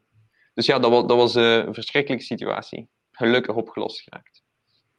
En hoe had je dat anders opgelost, denk je, als je, als je zonder eh, een overname had geweest? Want uiteindelijk, ja, twee CEO's gaat niet. Hè? Ik bedoel, tenzij je echt twee verschillende bedrijven hebt, dan, dan, dan misschien, maar... Ik denk, um, ja, gelijk dat Niels ook, ook vermeld heeft, de juiste gesprekken hebt op voorhand. Zodanig dat de, dat de, um, de verwachtingen juist zitten. En die zijn super moeilijk, hè? Daar, ga ik, daar ga ik niet ontkennen. Er is geen golden formula voor die dingen. Um, maar als je ervaring hebt, bij ons was dat ook zonder al te veel ervaring. Ehm, als je een beetje ervaring hebt, als je een beetje hulp hebt van mensen die ervaren zijn, kun je misschien op voorhand veel duidelijker zeggen van kijk, dit is um, de waarde van die persoon, die, die gaat daarmee naar voren, dus de waarde van die persoon. En als je dat in baanlijn leidt, um, als je daar duidelijk afspraken voor hebt, denk ik is dat te doen. Bij ons was dat gewoon, bij, wij hadden zelf geen benul van wat we aan het doen waren. Op dat vlak dan, hè, op het interpersoonlijk vlak. Um, dat is een heel apart iets, is, is HR. Dat is iets wat niet snel naar boven komt in een start-up. Je begint in een start-up en er zijn eigenlijk twee grote profielen hè, die naar boven komen binnen een start-up. Dat is product en dat is sales. Iemand moet maken en iemand moet verkopen. Maar je kunt zomaar groeien en doen, maar op een bepaald moment is ja, HR belangrijk. En in feite begint dat heel vroeg in een co-founder team. Lukt een co-founder team ja of nee? De hele connectie tussen die twee personen en hoe dat samenwerkt is technisch gezien een HR-probleem. Um, maar daar hebben we op moment geen tijd voor, geen kennis van. sommige mensen misschien wel, maar wij alleszins niet. Um, dus ja, my two cents worth. Um, bij ons was dat een ramp. Ik zou dat zeker proberen te vermijden opnieuw, maar kan, ik kan niet zo zeggen van ah, op die manier vermijden, dat is opgelost. Um, ik denk dat het ook van de situatie afhangt, hè, van de personen die je voor je hebt en zo verder. Ik denk als je, als je ene persoon op een ander gebied of een ander uh, deeltraject van het bedrijf een andere soort verantwoordelijkheid kan geven, dat die persoon ook uh, tevreden kan zijn, als hij zich voor, daar, daarvoor kan vinden en, en zo verder. Uh, allee, als daar recepten voor zouden bestaan, dan denk ik dat we echt miljonair zouden zijn. Uh, als, als we ja, voilà. En ook, het is echt niet zwart-wit, want als je bijvoorbeeld kijkt naar een showpad, daar is het een co-CEO-schap. Die zijn met twee CEO, dat is een gigantisch bedrijf. Um, aan de andere kant hebben we bijvoorbeeld een Fibricheck in, in, in Limburg. Die zijn een aantal keer van CEO-rol gewisseld in het founding team. Het bedrijf draait ook nog heel goed. Uh, die zijn allemaal ook, allee, ik denk het grootste deel nog actief in het bedrijf. Dus denk, er zijn, er zijn ja, het is geen, geen canvas dat je invult en, en daarmee is het probleem opgelost. Um, ik denk dat dat ook iets is dat zich, ja, dat is een soort norming en storming dat je in, in een groep uh, altijd hebt die samenkomt. En je, je kunt misschien van de eerste keer juist zitten en dan heb je heel veel chance. Of het kan niet juist zijn en je raakt eruit, of het kan niet juist zijn en je raakt er niet uit. Um, dat is een beetje, ja, het is, het is een beetje zoeken, maar ik denk inderdaad, als, als het niet goed zit of niet goed voelt, is denk ik die dialoog en die discussie en die mogelijkheid om, om kritiek te geven, maar ook de, de skill om die te aanvaarden, wel enorm belangrijk. Want zolang als je daar niet uit geraakt, is het eigenlijk heel moeilijk om het bedrijf um, echt goed vooruit te krijgen. Dus dat, dat, is inderdaad, dan inderdaad, ik vind het een mooie verwoording, Matthias. Dan, is eigenlijk, dan zit jij mij, je zit in mijn bedrijf met van alle uitdagingen. En één daarvan is dan een HR-challenge. En die moet ook wel opgelost worden. Um, Net zoals er misschien een product market fit challenge is, of, of een, een, schaal challenge, of een branding of positioning challenge, of employ het aanwerven van mensen een challenge kan zijn, is dan die, die co-founders of die, die rolverdeling is dan een bepaalde HR-challenge die gewoon opgelost moet worden. En dan moet er, als je het heel objectief en, en heel cru bekijkt, moet er een bepaald proces voor geïnitieerd worden om daar wel uit te geraken. Het mag zeker niet onder een steen uh, gestoken worden en we zien wel. Dat is uh, probably the worst that, can, that, that, that you can do. Ah, sowieso. Um, misschien een van de minst waardevolle tips voor veel mensen, maar het ene die ik zeer belangrijk vind, is je moet gewoon goed voelen. Um, je, voelt dat verschil. Bij sommige dingen loopt het stroef en in andere verhalen gaat dat gewoon vlot. En, en dat is superveel waard. Ook al kunnen we er totaal geen nummer op plakken, ook al kunnen we dat totaal niet rationaliseren. Um, the feeling is, is important. Ja, dat is die, eh, die gut feeling, die legendarische uh, dat buikgevoel, waar er al zo vaak over gepraat wordt. Maar dat je, allee, in mijn gevoel is dat toch, als je als student, uh, in jullie geval, nu begint, dan, dan is dat moeilijk om, om een buikgevoel te hebben over iets wat je nog nooit gedaan hebt, natuurlijk. Hè. Ja. Maar ja, dat is weer een heel andere discussie. Um, nu misschien even, even iets anders. Daar straks hebben we het al heel eventjes aangehaald. Um, een van de dingen die je ook moet doen van zo dat je begint met, met een co-founder, is het verdelen van de aandelen. Um, Rutger, even, uh, Rutger was ik, Niels heeft daar straks al even, uh, even aangehaald hoe het bij hen gegaan is bij, uh, bij Conversation Starter. En ik weet uiteraard dat daar bepaalde websites zijn met formules over hoe je dat, jij dat best doet en, en weet ik veel wat. Maar ik vroeg me af wat, wat, wat jullie visie daarop was, of hoe jullie dat, dat aangepakt hebben, of de dingen waar jullie op letten als, als jullie dat doen. Niels, wil jij beginnen? Ja, um, ik zit in de situatie dat ik altijd gevraagd ben geweest. Uh, dus ik ben altijd gevraagd geweest en ik heb altijd een, een equal share gehad. Hè. Dus ik, ja, bij, bij um, Conversation Starters ben ik door Rutger gevraagd geweest. En we hebben een 50-50 split um, gedaan. Ik, ik herinner me niet meer exact hoe dat gelopen is, maar ik denk niet dat ik dat heb voorgesteld. Ik heb het gevoel dat dat op een manier een bepaalde evidentie was. Moeten misschien eens bij Rutger voor de zekerheid checken, maar ik heb er niet heel, heel duidelijke herinneringen meer aan. Bij um, Alexander en uh, Moos, bij Poppy, dat was een corporate venture. Dat was helemaal niet die structuur met, met shareholdership. Dus dat was een beetje een uniek verhaal op basis van structuur. Maar daarna, de ventures daarna, was het gewoon elke derde. Um, en daar is eigenlijk nooit... Ja, iedereen voelde zich daar enorm comfortabel bij. En, en dat klopte gewoon bij ons, dat verhaal. Um, ik heb wel allez, een paar um, mensen die bij ons gewerkt hebben, bij Poppy bijvoorbeeld, die dan ook zelf een bedrijf zijn gestart. Die hebben dan volgens meer zo'n slicing pie methode gedaan. Dus nou vanuit het aantal um, gewerkte uren, een bepaalde formule. En op zich heeft dat een hele tijd dan vlot gelopen. Dan komt die discussie, oké, we gaan er fulltime aan beginnen. En de ene begint misschien een maand sneller of een half jaar sneller dan een andere fulltime. En dan ineens wordt die verdeling gigantisch disproportioneel. Um, en dan ineens zijn fulltime bezig. En dan, je moet er dan de overuren gaan bijhouden. Dus ik denk dat elke methode wel zijn, zijn, zijn potentiële voordeel heeft, maar ook zijn uh, uitdagingen. Waar ik altijd op een manier wel... Ja, wat ik wel goed vond, is dat daar... Je, kunt er zoveel tijd en energie in steken als je wilt, maar waar zet je dan ook tijd en energie in ontsteken? Je zou wel op een manier moeten, het gevoel moeten hebben van we zitten samen in dezelfde boot en als het goed gaat, dan gaan we er allemaal wel uh, gaan we er allemaal goed bij, um, bij boeren, hè, laat, ik maar, laat ik het uh, mij zo uitdrukken. Mm -hmm. Maar dat is ook, ja, dat gevoel moet, uh, je moet het gevoel hebben dat dat, um, dat dat juist zit op dat vlak. Maar wij hebben nooit gewerkt met bepaalde formules. Wij is gewoon van, oké, okay, we'll do it this way en um, we gaan er gewoon samen voor. Ik heb al andere modellen ook weer zien, zien slagen en, en zien mislukken en goed lopen en minder goed lopen en zichzelf dan recht trekken uh, op termijn. Uh, dus, dus van alles kan wel uh, op dat vlak. Maar dat is een beetje dat bij ons gelopen is. Ik hamer daar misschien te veel op in die aflevering, maar ik vind um, het, het, het, woord gevoel komt hier naar boven en ik vind dat eigenlijk de belangrijkste. We hebben, ik heb al drie verschillende scenario's geprobeerd. Ene waar dat we gebruik maakten van um, gepresteerde uren, om op die manier eigenlijk ja, share options, um, waarin dat het dus betaald wordt in aandelen ten opzichte van de uren gepresteerd. Um, ik heb al gewerkt in een situatie waarin dat gewoon is van, oké, hoeveel investeerde? En je mocht investeren aan de hand van hoe betrokken dat bent, of hoeveel uren dat je gaat investeren, maar we tellen uren niet meer. En ik heb dat gehad waarin dat gewoon is van, kijk, ja, hier zoveel aandelen vlak op voorhand gelijk, um, met één aandeelverschil. Um, zodat dat niet exact gelijk is. En ja, gelijk dat zegt, al drie hebben zijn, hebben zijn voor- en nadelen. Wat dat bij mij het belangrijkste is gebleken, is je werkt hier met mensen. En je kunt alles zo, zo rationeel mogelijk, um, zoveel mogelijk rationaliseren.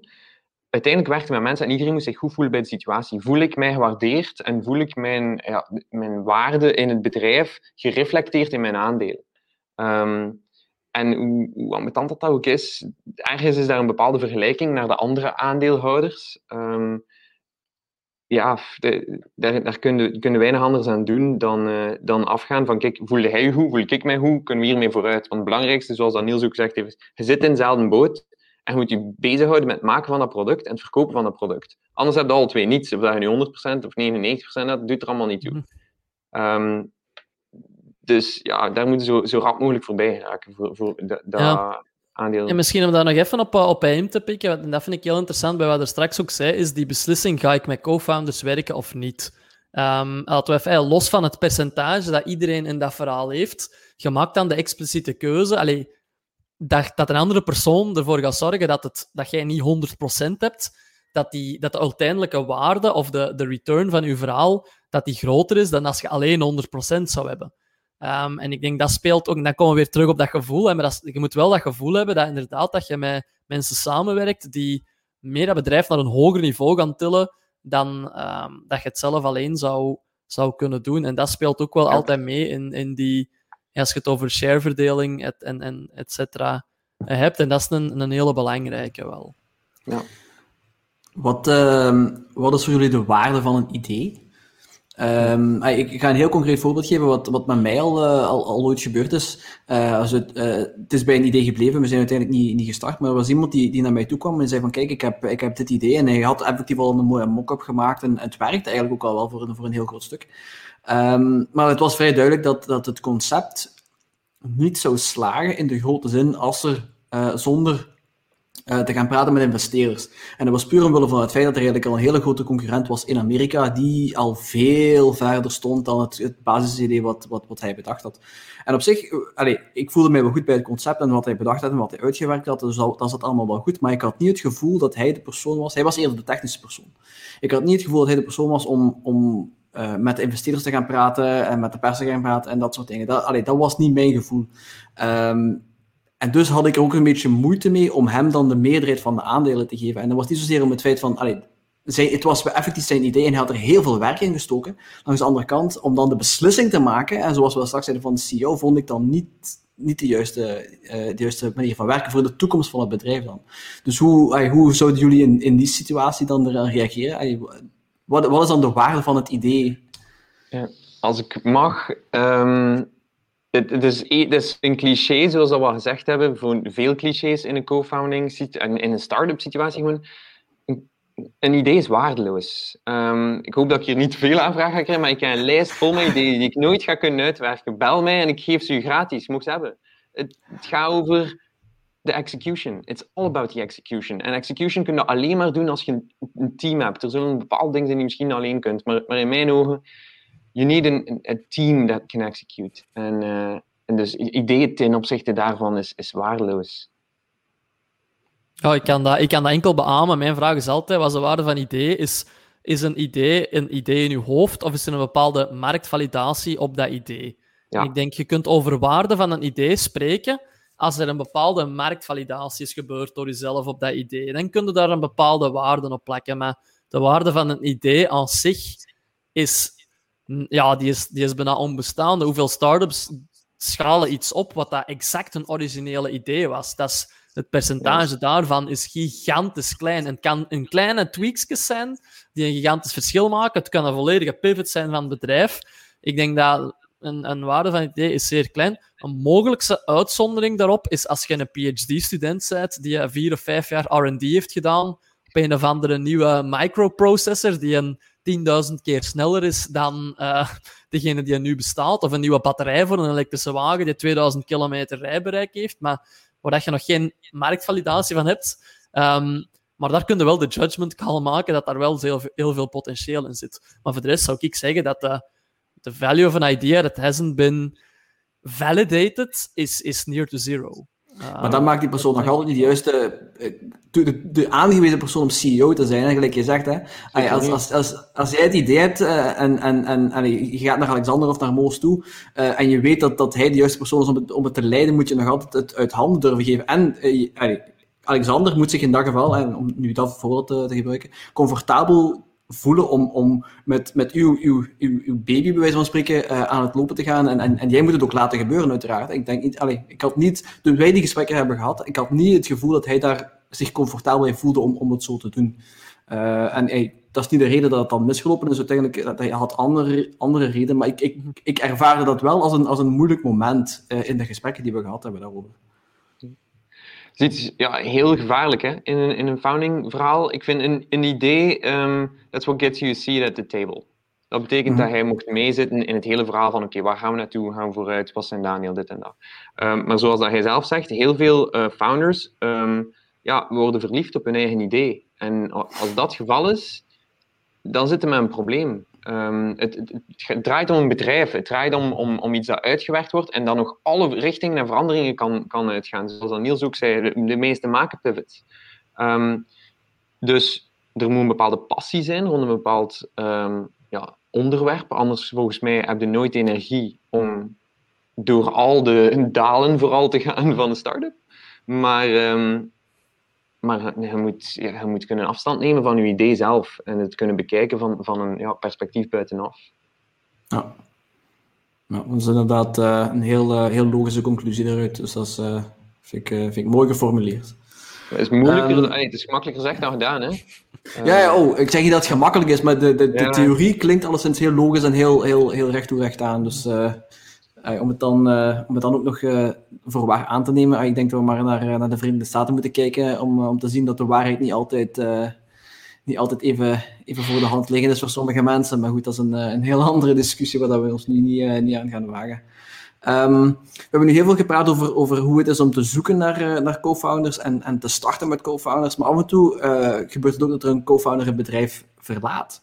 om, om, om, weet ik veel welke reden dan ook. Al is het, uh, is het om geschil, is het om privéredenen of wat dan ook. We hebben er al een paar horen passeren vandaag.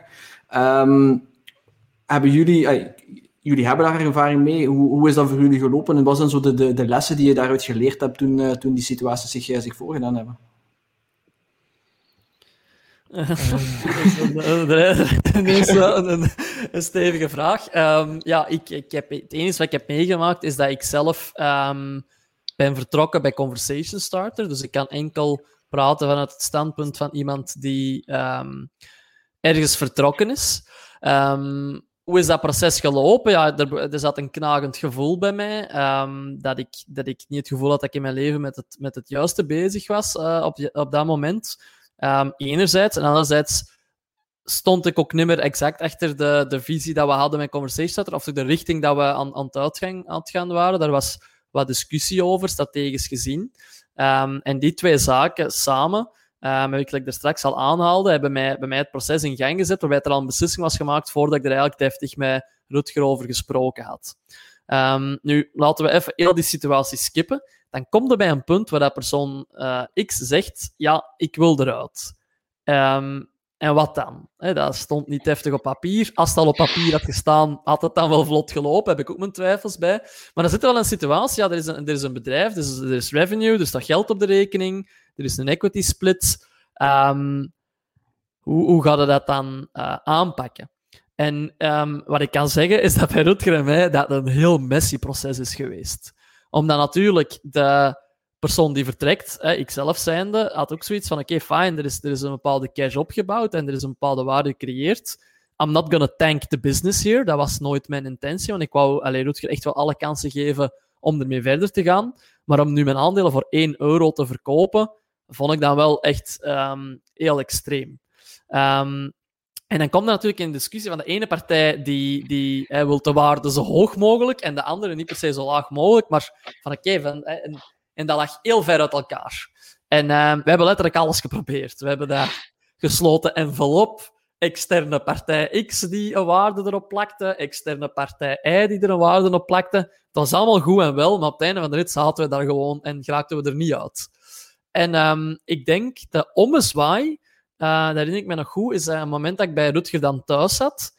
En dat, dat wij ook tegen elkaar zeiden van, wat zijn wij hier eigenlijk aan doen? Honestly, het ging ook niet over miljoenen bedrijven. Nog hij, nog ik zouden er op dat moment um, extreem rijk van worden of extreem zijn broek eraan gescheurd hebben. Hij had ook een bepaald entrepreneurial risico gepakt en, en alles daar rond. En op een gegeven moment gewoon gezegd van, ja, dat gaat, allee, waar zijn we mee bezig? Het gaat eigenlijk ook maar over... Allee, het ging echt niet over grote bedragen. En um, dan heb ik eigenlijk op een gegeven moment gezegd van, ja, whatever. Um, je, je, je zegt maar een getal. Allee, het, is, het is allemaal goed voor mij nu. Hè? Want uh, dat jij je er goed bij voelt, jij moet het met het bedrijf verder gaan.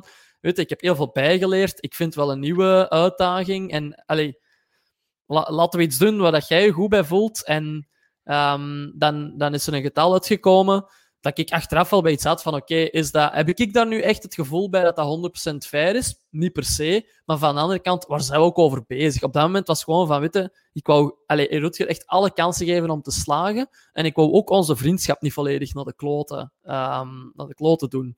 Dus um, dan zijn we daar een bedrag over ingekomen. Um, en tot op heden kunnen we er altijd over blijven discussiëren of dat er nu te veel of te weinig was. Allee, het is gelijk verkoop van het bedrijf. Hè. Het bedrijf is ook maar waard wat dat een zot ervoor wilt geven. Ja, op dat moment de enige mens dat iets van mijn aandelen wou geven, was mijn, mijn mede- of ex-medevenoot. Dus ja, de waarde van het bedrijf ging eigenlijk puur af van wat hij ervoor wou geven. En uh, daar is dan een bedrag voor gegeven en fijn. En dan um, zijn we zo uit elkaar gegaan. En ik heb Rutger nog, nog achteraf enorm veel geholpen met... Uh, eerst nog, ik heb nog een tijdje meegeholpen in het bedrijf, een paar operationele zaken mee afgerond, deftige handover gedaan, nog een paar kleine projectjes opgevolgd. En um, tot vandaag de dag sparen wij ook samen met elkaar nog over bepaalde strategische challenges die, die hij of ik heeft. Ik probeer hem ook altijd te helpen waar dat kan. Um, en ik denk dat dat gewoon allee, altijd heel, heel, heel belangrijk is, om dat toch proberen zo, zo af te ronden. Dat je toch samen door dezelfde deur kunt. En is onze vriendschap veranderd nu? Ja, die is niet meer hetzelfde als die, als die voorheen was. Maar dat is nog altijd een, een, een goede vriendschap. Dat is zeker geen slechte uh, vriendschap te noemen. Dus dat is een beetje hoe dat, dat bij ons is, uh, is gelopen. Maar als je echt wilt, kun je er altijd een bloedbad van maken. Dat is, uh, dat is mij alleszins bijgebleven. Um, dat, dat is altijd mogelijk. Um, maar ik ben wel blij dat we dat op die manier hebben kunnen, kunnen afsluiten. Dat wel.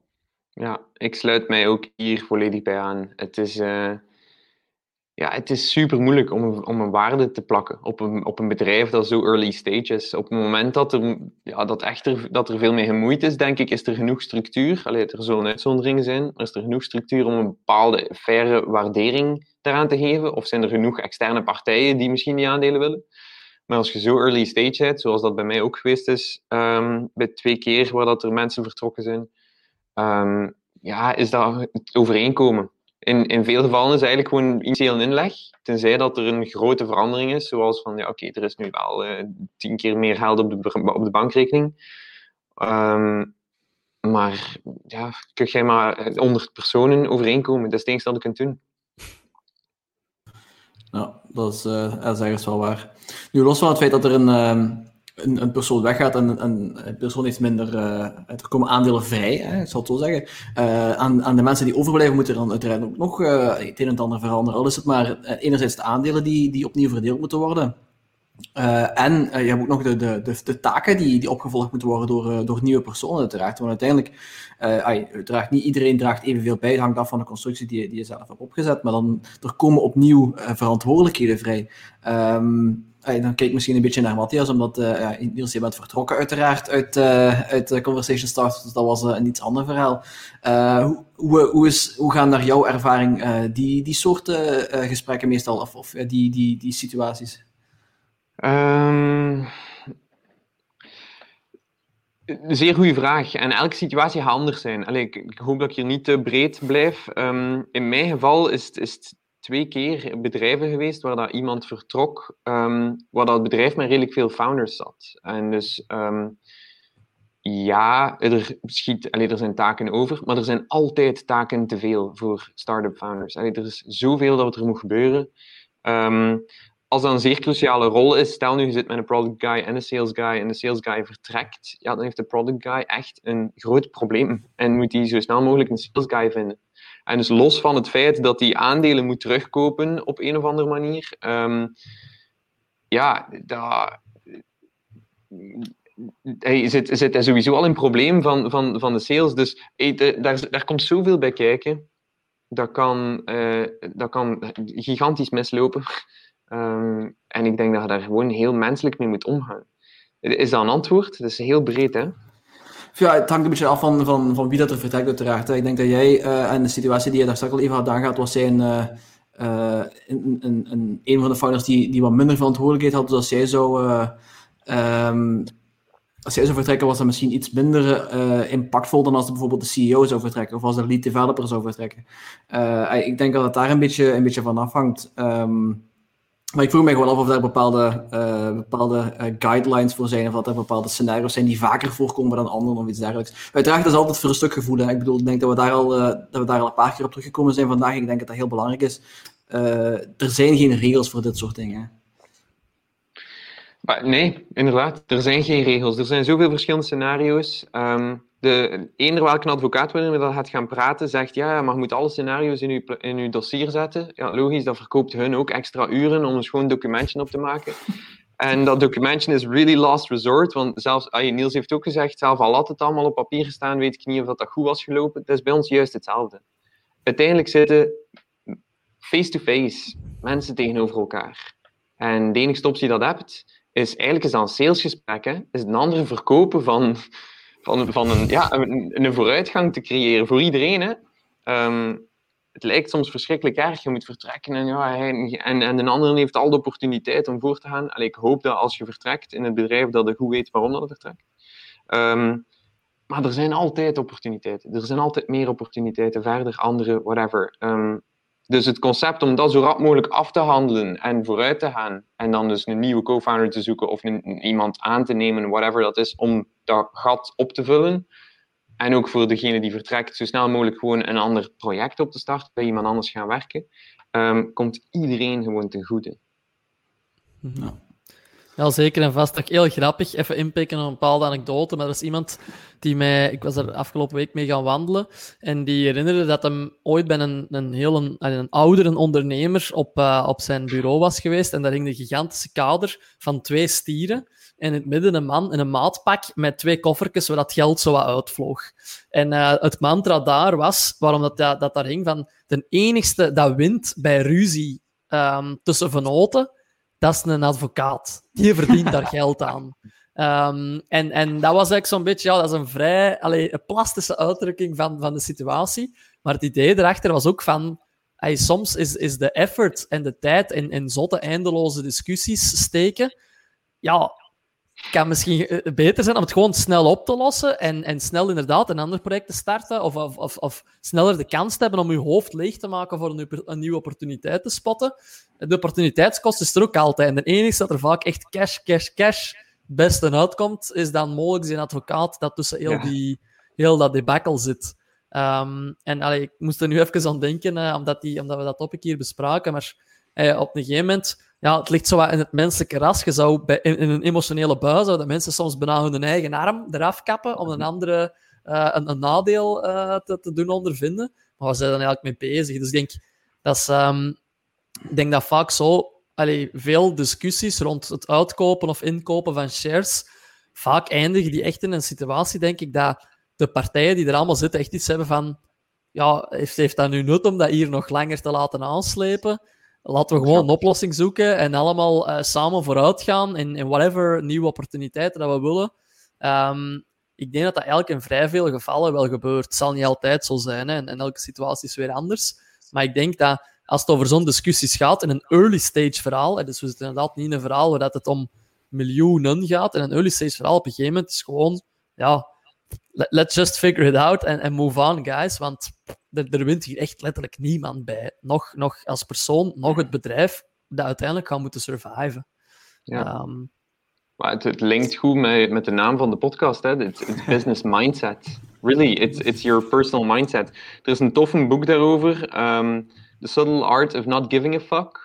Um, waarin dat er, ze spreken over bepaalde situaties. En ik denk dat Dave Mustaine is, een superbekende uh, rockgitarist.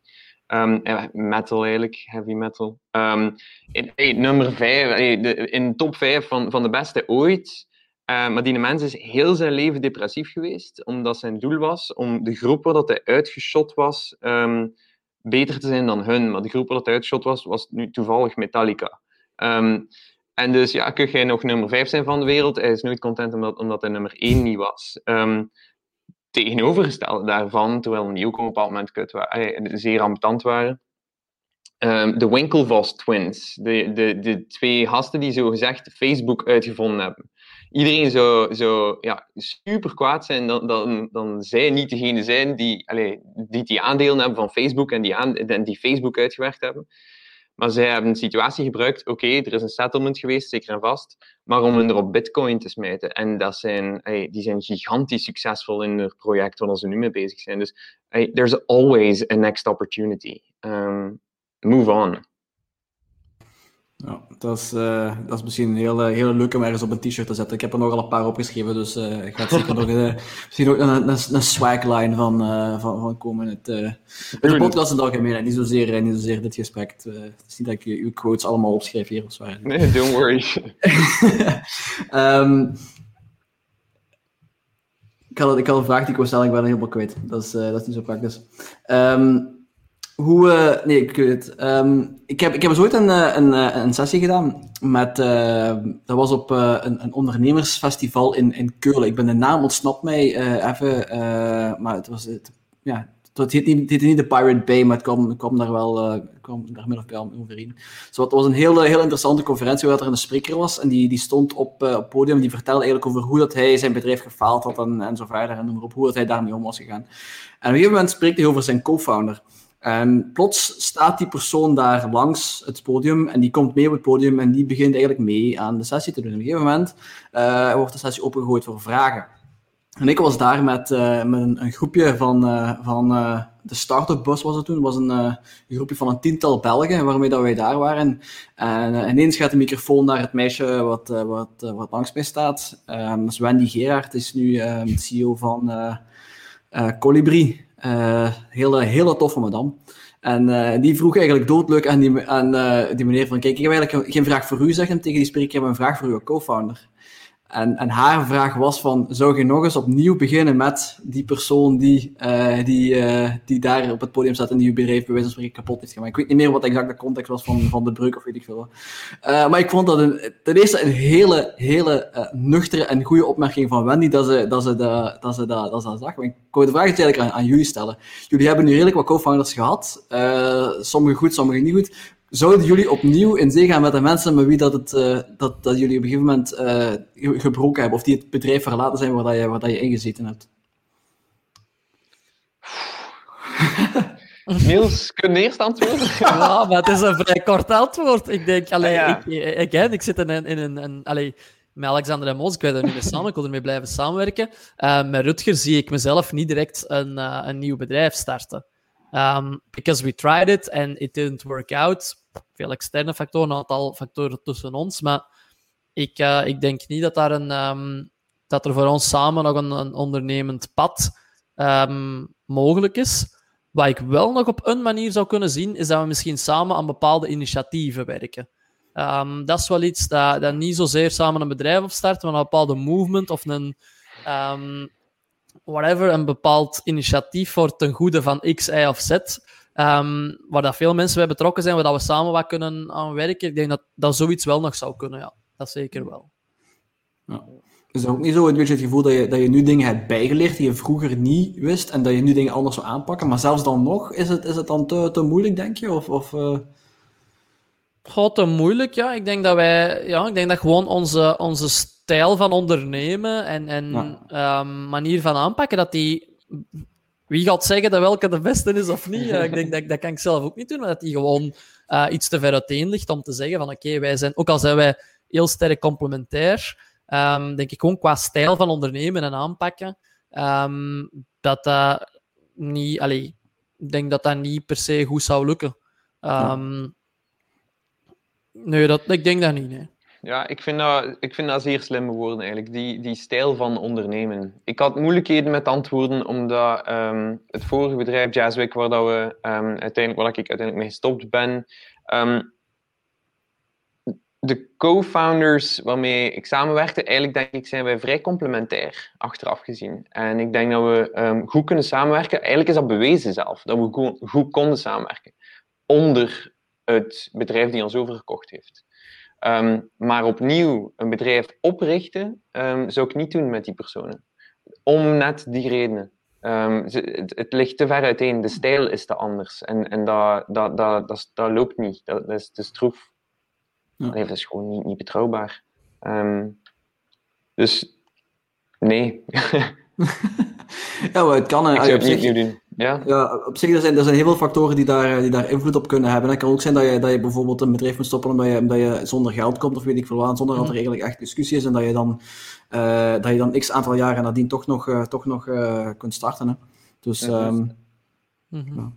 Misschien, ik heb een vraag voor u, Matthias. Nu dat ik ik ben niet 100% zeker, maar um, met uw, uw huidige ventures, doe, doe je dat samen met uw partner? Of, of, ja, of, um... of eh, eh, maar, ja, of allee, is, jullie doen, ik heb ergens gelezen dat dat twee koppels zijn die het samen ja. Is dat correct of niet? Ja, um, ja dat is gestart met mijn vrouw en ik. En dan mijn partner, allee, mijn, mijn business partner, mijn co-founder en zijn mhm. vrouw. de twee vrouwen zijn eruit. Oké, ja. Dat is misschien wel een interessant topic om eens, eens, te bekijken. Van oké, okay, samen iets met je partner starten. En... Zeer Allee, ik vind altijd interessant. um, ik heb al 14 jaar een, een zeer goede relatie, denk ik, met mijn vrouw. en ik denk dat dat bewijst dat, dat we iets goed kunnen samen. Uh, ik denk dat, dat dat wel moederlijk er, er slaagt iets. we zijn Jazzweek ook samen begonnen, met mijn bedrijf. Dus dat was ook mijn vrouw um, en een aantal partners en ikzelf. Um, bij Jazzweek hebben we een heel aantal lessen geleerd, mijn vrouw en ik, dat onze romantische relatie verdween, omdat we te diep zaten in business partners. En dan tot s'avonds laten doorwerken. Alle twee gedreven, ja, passioneel bezig met dat onderwerp, um, met dat bedrijf. Maar dan ja, ga je naar bed om 11 uur, om 12 uur s'avonds. En daar is totaal geen romantiek. Je blijft nog, ah, heb je dat nog gedaan? Heb je dan nog gebracht? En dan probeer je in slaap te vallen. Dat is een ramp. Dat is super ongezond. Um, nu, als je, nadat we dat geleerd hebben, in het geval nu van, van Stashed, um, wel te gezegd, we gaan dat niet meer opnieuw doen, met elkaar een bedrijf starten. Maar, zoals ik al zei, ik ben, ja, ik ben een, een, persoon die heel graag samenwerkt met iemand. Ik ga altijd een bedrijf starten met iemand samen. Ik moet face-to-face meetings heel regelmatig hebben. Um, ja, ik, heb, ik zit met niemand meer samen dan mijn vrouw, zeker niet in coronaperiode. Dus um, hebben wij op dat moment gezegd van oké, let's try, we zien waar we geraken. We zetten gewoon heel duidelijk boundaries. Vanaf dat uur stoppen we daarmee. En s'avonds praten we niet meer over het bedrijf. Dat krijgt zijn leven wel achteraf, overdag. En die afspraken, die, uh, dat, slaag, uh, dat lukte wel. Dat ging eigenlijk wel goed. Um, de reden waarom dat mijn vrouw daar nu uit is, um, is omdat ze meer in... Ze is een jack of all trades. Ze is iemand die, die echt eigenlijk uh, alles aan kan, overal interesse in heeft, en heel generalistisch is.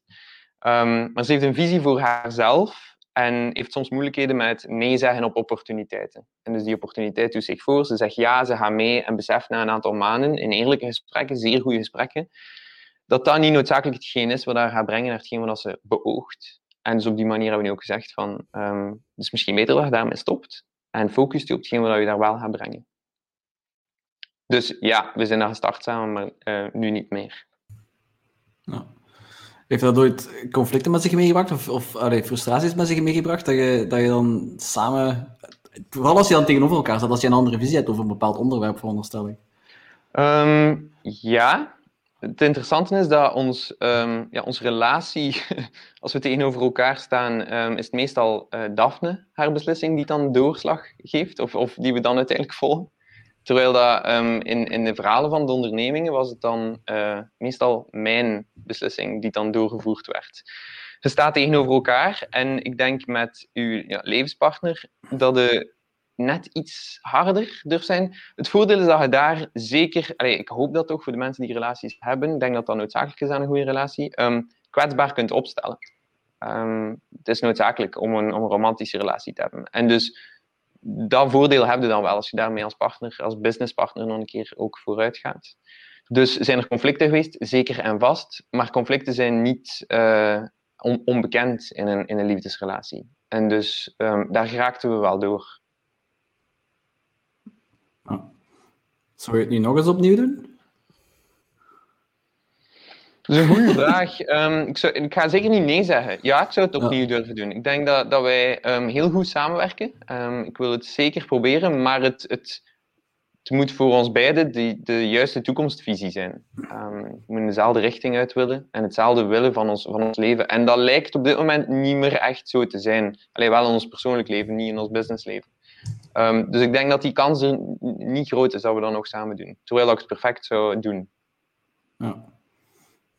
Ik kan me voorstellen dat, inderdaad, uh, als je dezelfde interesses hebt, dan, dan kan ik me inderdaad voorstellen dat dat uh, op een bepaald moment uh, stopt. dat je, dat je... Ja, het is hetgeen wat Niels in het begin zei. Hè, een van de allerbelangrijkste dingen voor je co-founder is dat je een, een gelijkaardige visie hebt op vlak van hoe gaan we hier vooruit. Is dat een een fast scaling business? Is dat een KMO?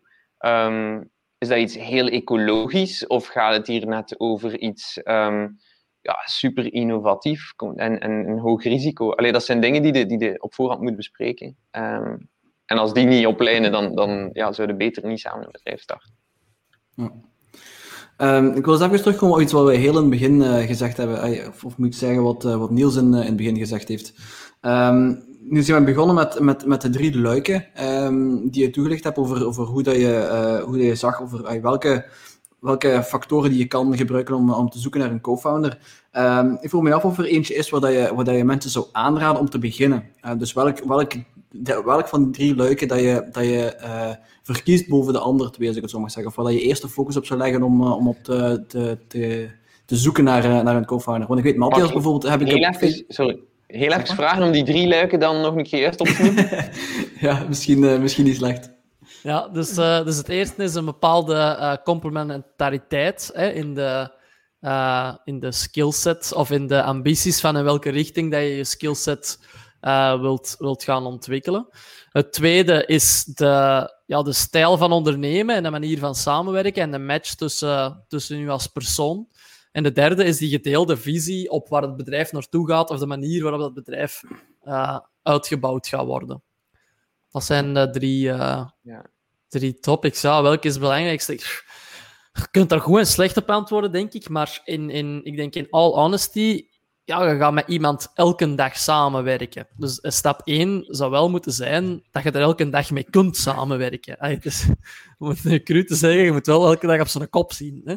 Ja. Um, dus ik denk, als, je, allee, als, als dat al niet gaat, als je gewoon al geen goesting hebt, als je het gewoon al niet leuk vindt om samen een brainstorm te doen, als je het al niet leuk vindt om samen te fantaseren over waar dat bedrijf naartoe gaat, uh, als, je allee, als je dat niet leuk vindt om, om, om te discussiëren over hoe dat je een mail gaat sturen en hoe dat je die verwoording doet en, en hoe dat je een pitch deck gaat maken en, en dat, als je dat al gewoon niet leuk vindt om dat samen te doen, ja, wat maakt het dan uit wie dat wat gaat doen? Of, of welke, welke visie dat je hebt op het bedrijf? Als je gewoon denkt van, ja, wij, want je moet, allee, op het einde van de rit, hè, Matthias zei het ook, je hebt heel veel, je hebt highs, maar ook extreme lows. You're, you're in it together.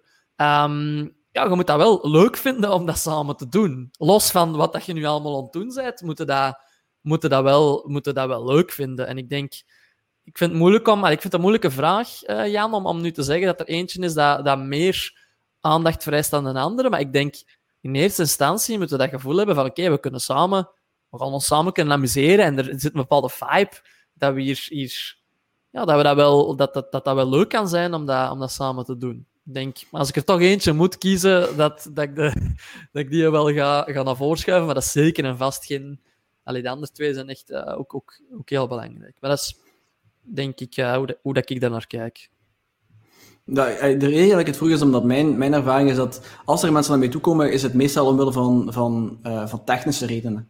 Van ik heb, ik heb dat idee en, en ik zoek iemand die, die het kan doen, of ik, of ik zoek iemand die, die de skills heeft om het te maken en, en noem maar op. En dan, het, het, conceptueel, het conceptueel meedenken over startups en dergelijke vind ik altijd heel fijn, maar meestal, het feit dat je, dat je conceptueel over iets wil denken, wil niet altijd zeggen dat je mee erin wilt stappen. Om, om, om, vooral om, om, om de gevoelsreden die, die je nu zelf zegt, dat is ook hetgeen waar ik het, het vaakst tegenaan loop. Uh, maar, maar er kunnen ook andere, er kunnen ook andere redenen zijn. op zich, um... Ik denk vanuit uw standpunt, zou dat ik onderbreken, er komt iemand naar u, je, je, hebt, technische skills, hè, dus je hebt een bepaalde schaarste hè, dat jij kunt invullen. Um, hè, er komt iemand naar u en allee, wat jij gaat moeten hebben, denk ik, in de first 10 or 20 seconds of the pitch, is I like it. Ik zie het, ik voel het, um, hier, zit potentieel in. En dan gaan ze zeggen, oké, ik wil daar dieper in gaan graven. En in dat proces van daar dieper in te gaan graven, um, ga dat, ja, zou je dat op een manier samen moeten doen. Dat je direct al kunt aanvoelen van, is, de, is dat iets dat, kan, dat, dat leuk kan zijn om dat samen te doen. Maar ik denk inderdaad wel, stap 1 is dat jij zelf, als je het voor de eerste keer hoort, op een manier een soort van spark, denk ik, moet hebben van, dat, is, dat is wel graaf. En, dan, en zouden wij dat samen kunnen doen dan? En misschien eens wat, eens wat proberen, samen wat market research doen. Um, kunnen we zoiets iets samen proberen? Ja, ik denk... Maar inderdaad, ik denk dat voor u, en dat is misschien, ja, ik weet niet, misschien voelt het dan een beetje onpersoonlijk aan voor u, Jan, dat er gewoon iemand naar u komt en zegt, ja, ja jij moet met mij starten. Maar dat zijn mensen die je kennen. Vooral duidelijk, dat zijn mensen die je ja, kennen. Ja, dus het, het, wat ik daar straks, uh, dit scenario wat ik straks even aanhaal, dat is iemand die, die ik al een jaar of vier, vijf ken. Mm uh, die komt naar mij toe en, en allee, dus zo is dat gesprek gegaan. Het is niet dat er een wildvreemde mee opbelt van, hey, uh, dude, gaan we eens even, gaan we eens even random, random story. Dat gebeurt ook, Dat gebeurt ook, ik heb dat ook al gehad. En dat, dat, dat is nog vreemder, moet ik heel eerlijk toegeven. Allee, het is heel fijn dat mensen dat aan u denken en op zich, allee, los eender wie er naar mij toe komt, ik wil meedenken over startups. Hè, altijd. Hè. Ik, vind, ik vind het een geweldig interessant onderwerp, maar om dan direct. Uh, om de eerste meeting aan de vraag te krijgen van, hey, ziet je zitten om dat mee te doen? Ja, hm, dat... Je kunt daar niet op antwoorden. Dat is, dat is moeilijk, vind ik. Uh, ja. Maar inderdaad, ik denk, uh, ik denk dat je niet op, op, op, op zo'n korte tijd, een sessie van een uurtje of twee uurtjes, even het, het, een goed gevoel kunt, kunt krijgen over wie die persoon is. Uh, ik, denk, ik denk dat, daar, uh, dat het daar wat, wat langer uh, tijd moet omgaan. En, en misschien, zoals, zoals jij zei, Niels, daar straks, is, is een keer op weekend gaan of iets dergelijks. Of, of alleszins toch een paar keer vaker mm. erover praten. En, ja, ik, ik raad, dat is wat ik als mensen het mij vragen. Hè, van ik heb iemand op oog, maar hoe kan ik nu zien of dat, dat iemand goed is voor mij? Dan raad ik het altijd van, ja, werk daar nu eens een dag mee samen. Een volledige zaterdag. Werk eens op, op, op dat idee. En als dat werkt, werkt dan eens daar twee dagen aan en, en plant daar eens een overnachting samen aan, dat je eens een pint kunt pakken en, uh, en eens wat kunt filosoferen en, en laat, dat, laat, laat die, die, die band zich wat, laat die evolueren of, of voelt toch aan dat die band zich in, de juiste richting voortzet. Um, en, en dan, dan gaat dat wel, dan gaat dat gevoel, hè, dat we het er straks ook over hadden, dan heeft het toch een bepaalde vorm van validatie dat je toch op dat gevoel kunt krijgen. Dat is wat ik meestal zeg als mensen het mij vragen. Ja, volledig mee eens. Hè. Ik vind dat een zeer moeilijke um, ja, balans ergens tussen hoe snel wilde eigenlijk incorporeren, hoe snel wilde een bepaald soort ja, naam of op zijn bedrijf onder oprichting um, ja, om, om professioneel over te kunnen komen. Um, maar aan de andere kant, ja, je wil zo lang mogelijk eigenlijk uitstellen om alles in, in, in papier te bijtelen en bij de notaris te moeten langsgaan voor al die dingen. Want het is alleen maar romslomp om dat weer eh, te niet te doen. Um, en dat weet ik niet goed, ja, hoe, hoe lang doe je dat? Op welke manier hou je dat zo lang mogelijk uit om samen te werken, zoals dat zegt, maar zonder uh, heel zware commitments. Even mee unmuten voordat ik begin te praten. Um, uh, Niels, van jou weet ik dat. Je hebt ook al, al redelijk wat startups begeleid. Um, mm Onder andere, ik, ik vond zelf ook in het, in het eh, zoeken naar founders en co-founders uh, is daar, is daar een, een, een, belangrijk onderdeel van.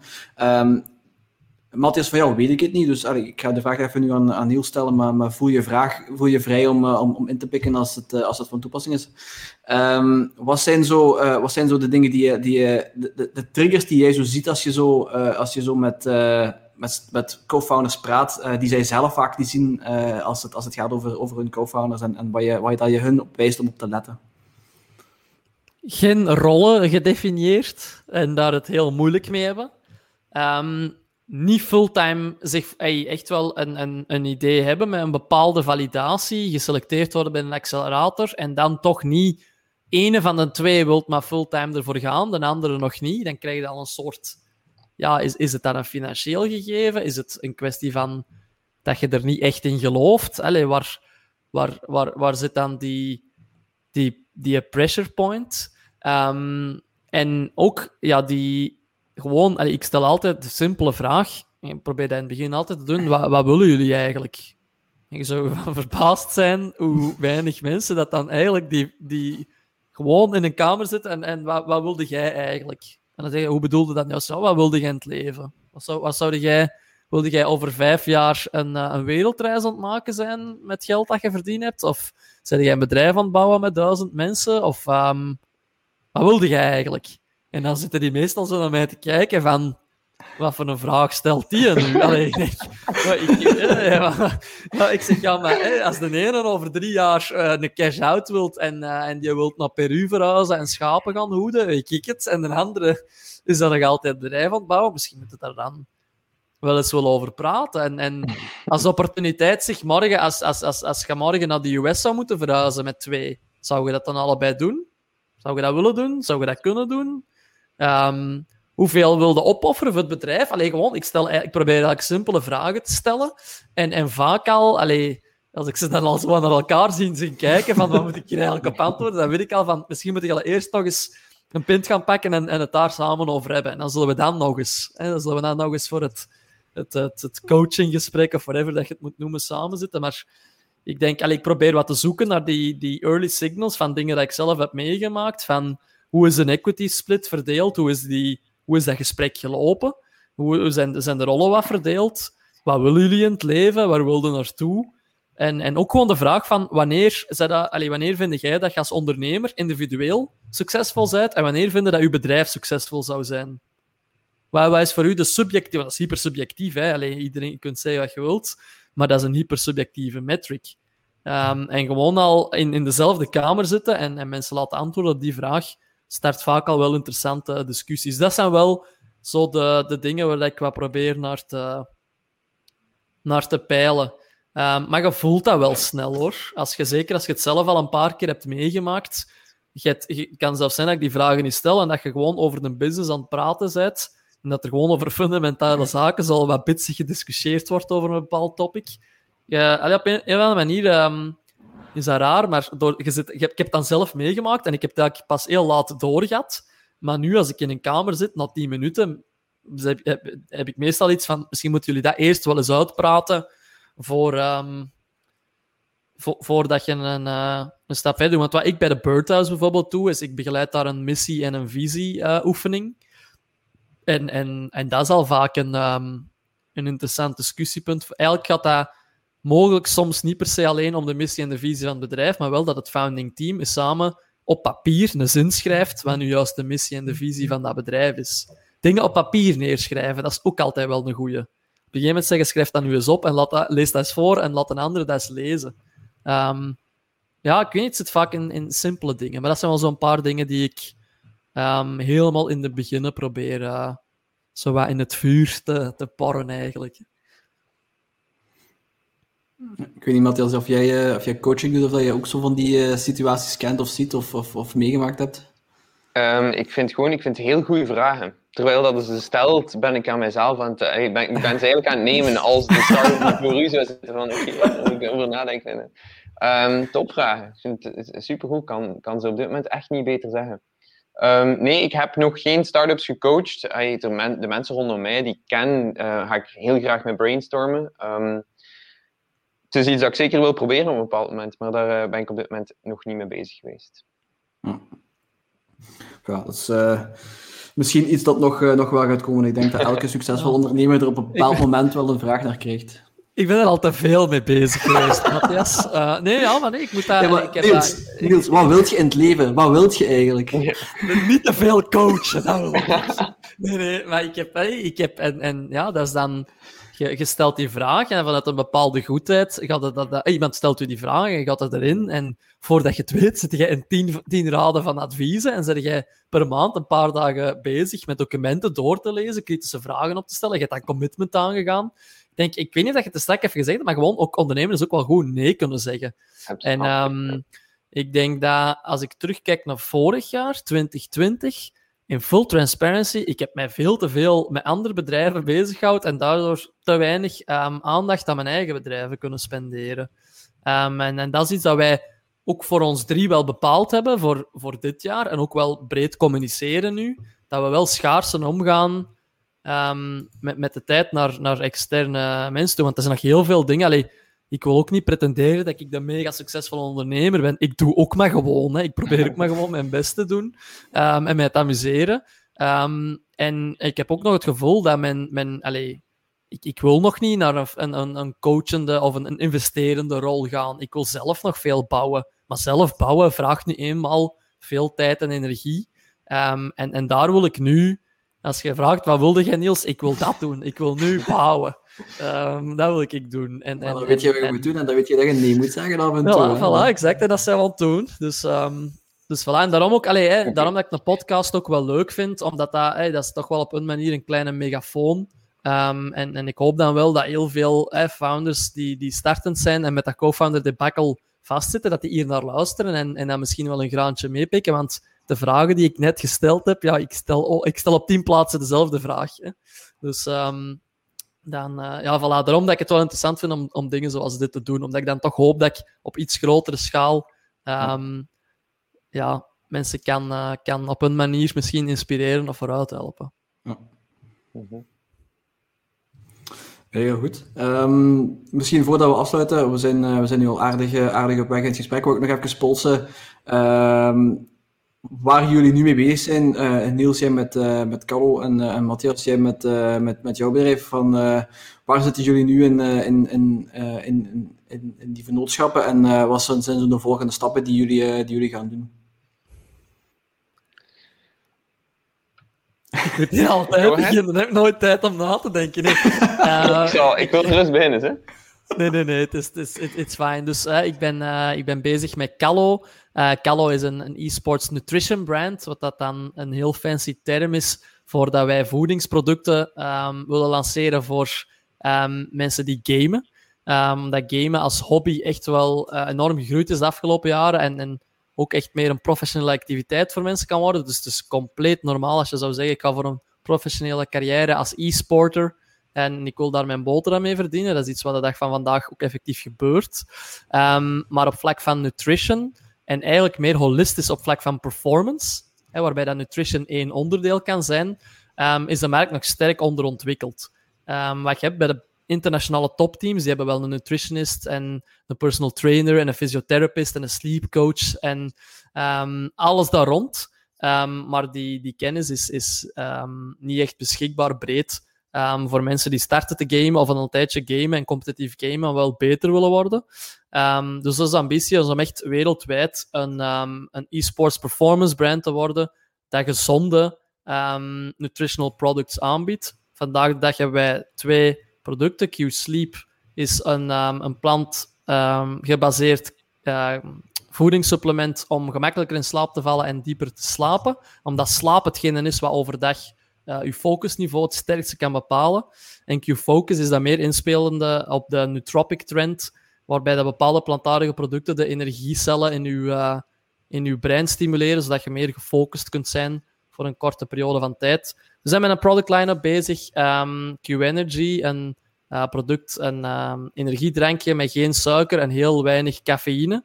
We zijn bezig met uh, collageentabletten voor uw, de flexibiliteit en uw, uw pols en uw gewricht, eigenlijk uw pezen in het algemeen te stimuleren. We zijn bezig met blue light blocking glasses. Um, dus we willen echt wel op vlak van performance um, een toonaangevende speler worden in de, in de e-sportsmarkt. En als je mij vraagt waar ik zelf de dag van vandaag heel concreet mee bezig ben, dan is het onze expansie naar de US. Want wij um, zijn momenteel enkel beschikbaar in Europa en, en, de US ligt wel een grote markt. En anderzijds ben ik uh, met enorm veel streamers en content creators in gesprek om te zien hoe dat we met hen kunnen samenwerken om onze, onze visie rond, rond healthy, high performance en e-sports en gaming, om die samen met hen te, te kunnen verspreiden. Dus ik zit s'nachts te bellen met mensen uit de US of Australië of, of waar dan ook, om te kijken of dat we samen met hen onze uh, boodschap kunnen verspreiden. Dus dat is wat ik nu aan het doen ben. Maar dus niet coaching, dat doe je dus niet meer dan? ja, ik zou liegen als ik nu nee zeg. Maar het is toch al een pak minder dan vorig jaar. Uh... Vooruitgang, hè? Matthias, wat, uh, hoe zit het bij jou? Um, wel, met Stashed zijn wij um, gezonde instantmaaltijden aan het ontwikkelen. lekker ook nog. Het is belangrijk bij voeding. Um, maar vult dus misschien wel wat aan bij Callo.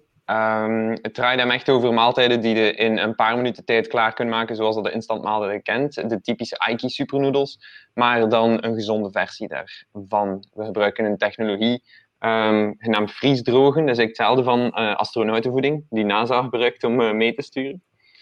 Um, en we hebben dat ontwikkeld puur uit onze eigen nood.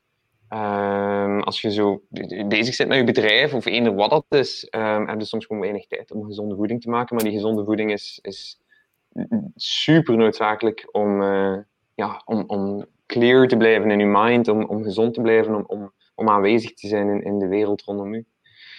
Um, op dit moment zijn we eigenlijk net door het proces gegaan van het zoeken uh, van een extra co-founder en het ja, onboarden van een co-founder. Um, als ook funding, dat is, dat is waar we nu mee bezig zijn. Um, ja, debt uh, funding, Allee, dus, uh, aan, de hand van leningen op dit moment. En um, qua product line-up zijn wij aan het ontwikkelen een bar, wat ik wel zeer ja, excited voor ben. Het is een protein bar, volledig aan de hand van groenten, absoluut geen suiker. En dat is, dat is vrij uniek. In de, blijkbaar was dat super moeilijk om dat te ontwikkelen. Uh, we zijn er nu al bijna een jaar mee bezig. Het zal, zal elf maanden zijn. Omdat al de bars die je kent zijn op dit moment ja, met, met um, chocolade, met karamel, met, met een of andere honing. En die zijn geperst. Um, die zoetigheid houdt daar in feite samen. Als je die zoetigheid wegneemt, valt dat volledig uiteen. En dus aan de hand van dus een zoute bar, een hartige bar, aan de hand van groenten, um, serieuze uitdaging. Maar um, op het moment dat ze klaar gaan zijn, denk ik, is dat iets dat um, mensen wel excited voor gaan zijn. Voilà. Dus, uh, is iets, uh, iets om naar uit te kijken dan. Ik, uh, ja, ik heb zelf ook al een paar keer zo'n van, die, van die bars geprobeerd. Ik ben, moet eerlijk zeggen dat ik er niet echt fan van ben, maar misschien, misschien kan die van u dan wel, wel een klein beetje anders zijn. Ik heel graag een paar opsturen. Oh ja, perfect. Kijk, heb ik er ook iets uit gehaald dan. nee, nee, ik, uh, nee ik, uh, ik, ben, ik ben sowieso heel blij met, uh, met het gesprek. Ik heb er heel veel uit geleerd. Ehm, zowel van Niels als, als van Matthias. Dus ik, ik, hoop dat jullie er zelf ook iets, iets aan gehad hebben. maar ik denk dat wel. Um, ik ga jullie alvast heel, heel hartelijk bedanken voor de tijd die jullie erin gestoken hebben, voor de, voor de, voor de wijze woorden en de, de inside jokes die we, die we hebben mogen, mogen genieten vandaag. Dus het moet, al, moet niet altijd even serieus zijn uh, als, als we dit soort dingen doen. Maar dus uh, ik, ben, ik vond het heel fijn uh, voor het gesprek en, en heel hartelijk bedankt heren. En ja, het, was, het was de moeite. Nee, top. Het was, het was tof om hier te zijn. Ja, heel hard merci voor de invite en echt ja, heel tof dat je deze doet, Jan. En ook ja, op een manier toch een platform kunt geven aan ons om uh, hopelijk een hele hoop andere mensen te helpen. Al is het maar ene zin dat ze misschien soms eens oppikken, het kan voldoende zijn om, uh, om mensen iets bij te brengen en, en toch in een entrepreneurial journey vooruit te helpen. Dus tof dat je deze doet, zeker blijven doen. Um, en veel succes natuurlijk. Het is, uh, het is de bedoeling en ik heb er ook enorm veel voldoening in, maar het is, ja, het is, het is werken. Dat, dat, kan ik, dat kan ik wel zeggen. Maar we, we blijven sowieso nog even verder gaan, geen enkel probleem. Goed. Super. Uh, heren, heel hartelijk bedankt. En uh, misschien kunnen we op, uh, op een bepaald moment in de toekomst nog wel eens een keer een check-in doen om te kijken hoe dat, hoe dat met, met de verschillende bedrijven gaat en kijken hoe ver dat, dat jullie gevorderd zijn ondertussen. Goed? Met plezier.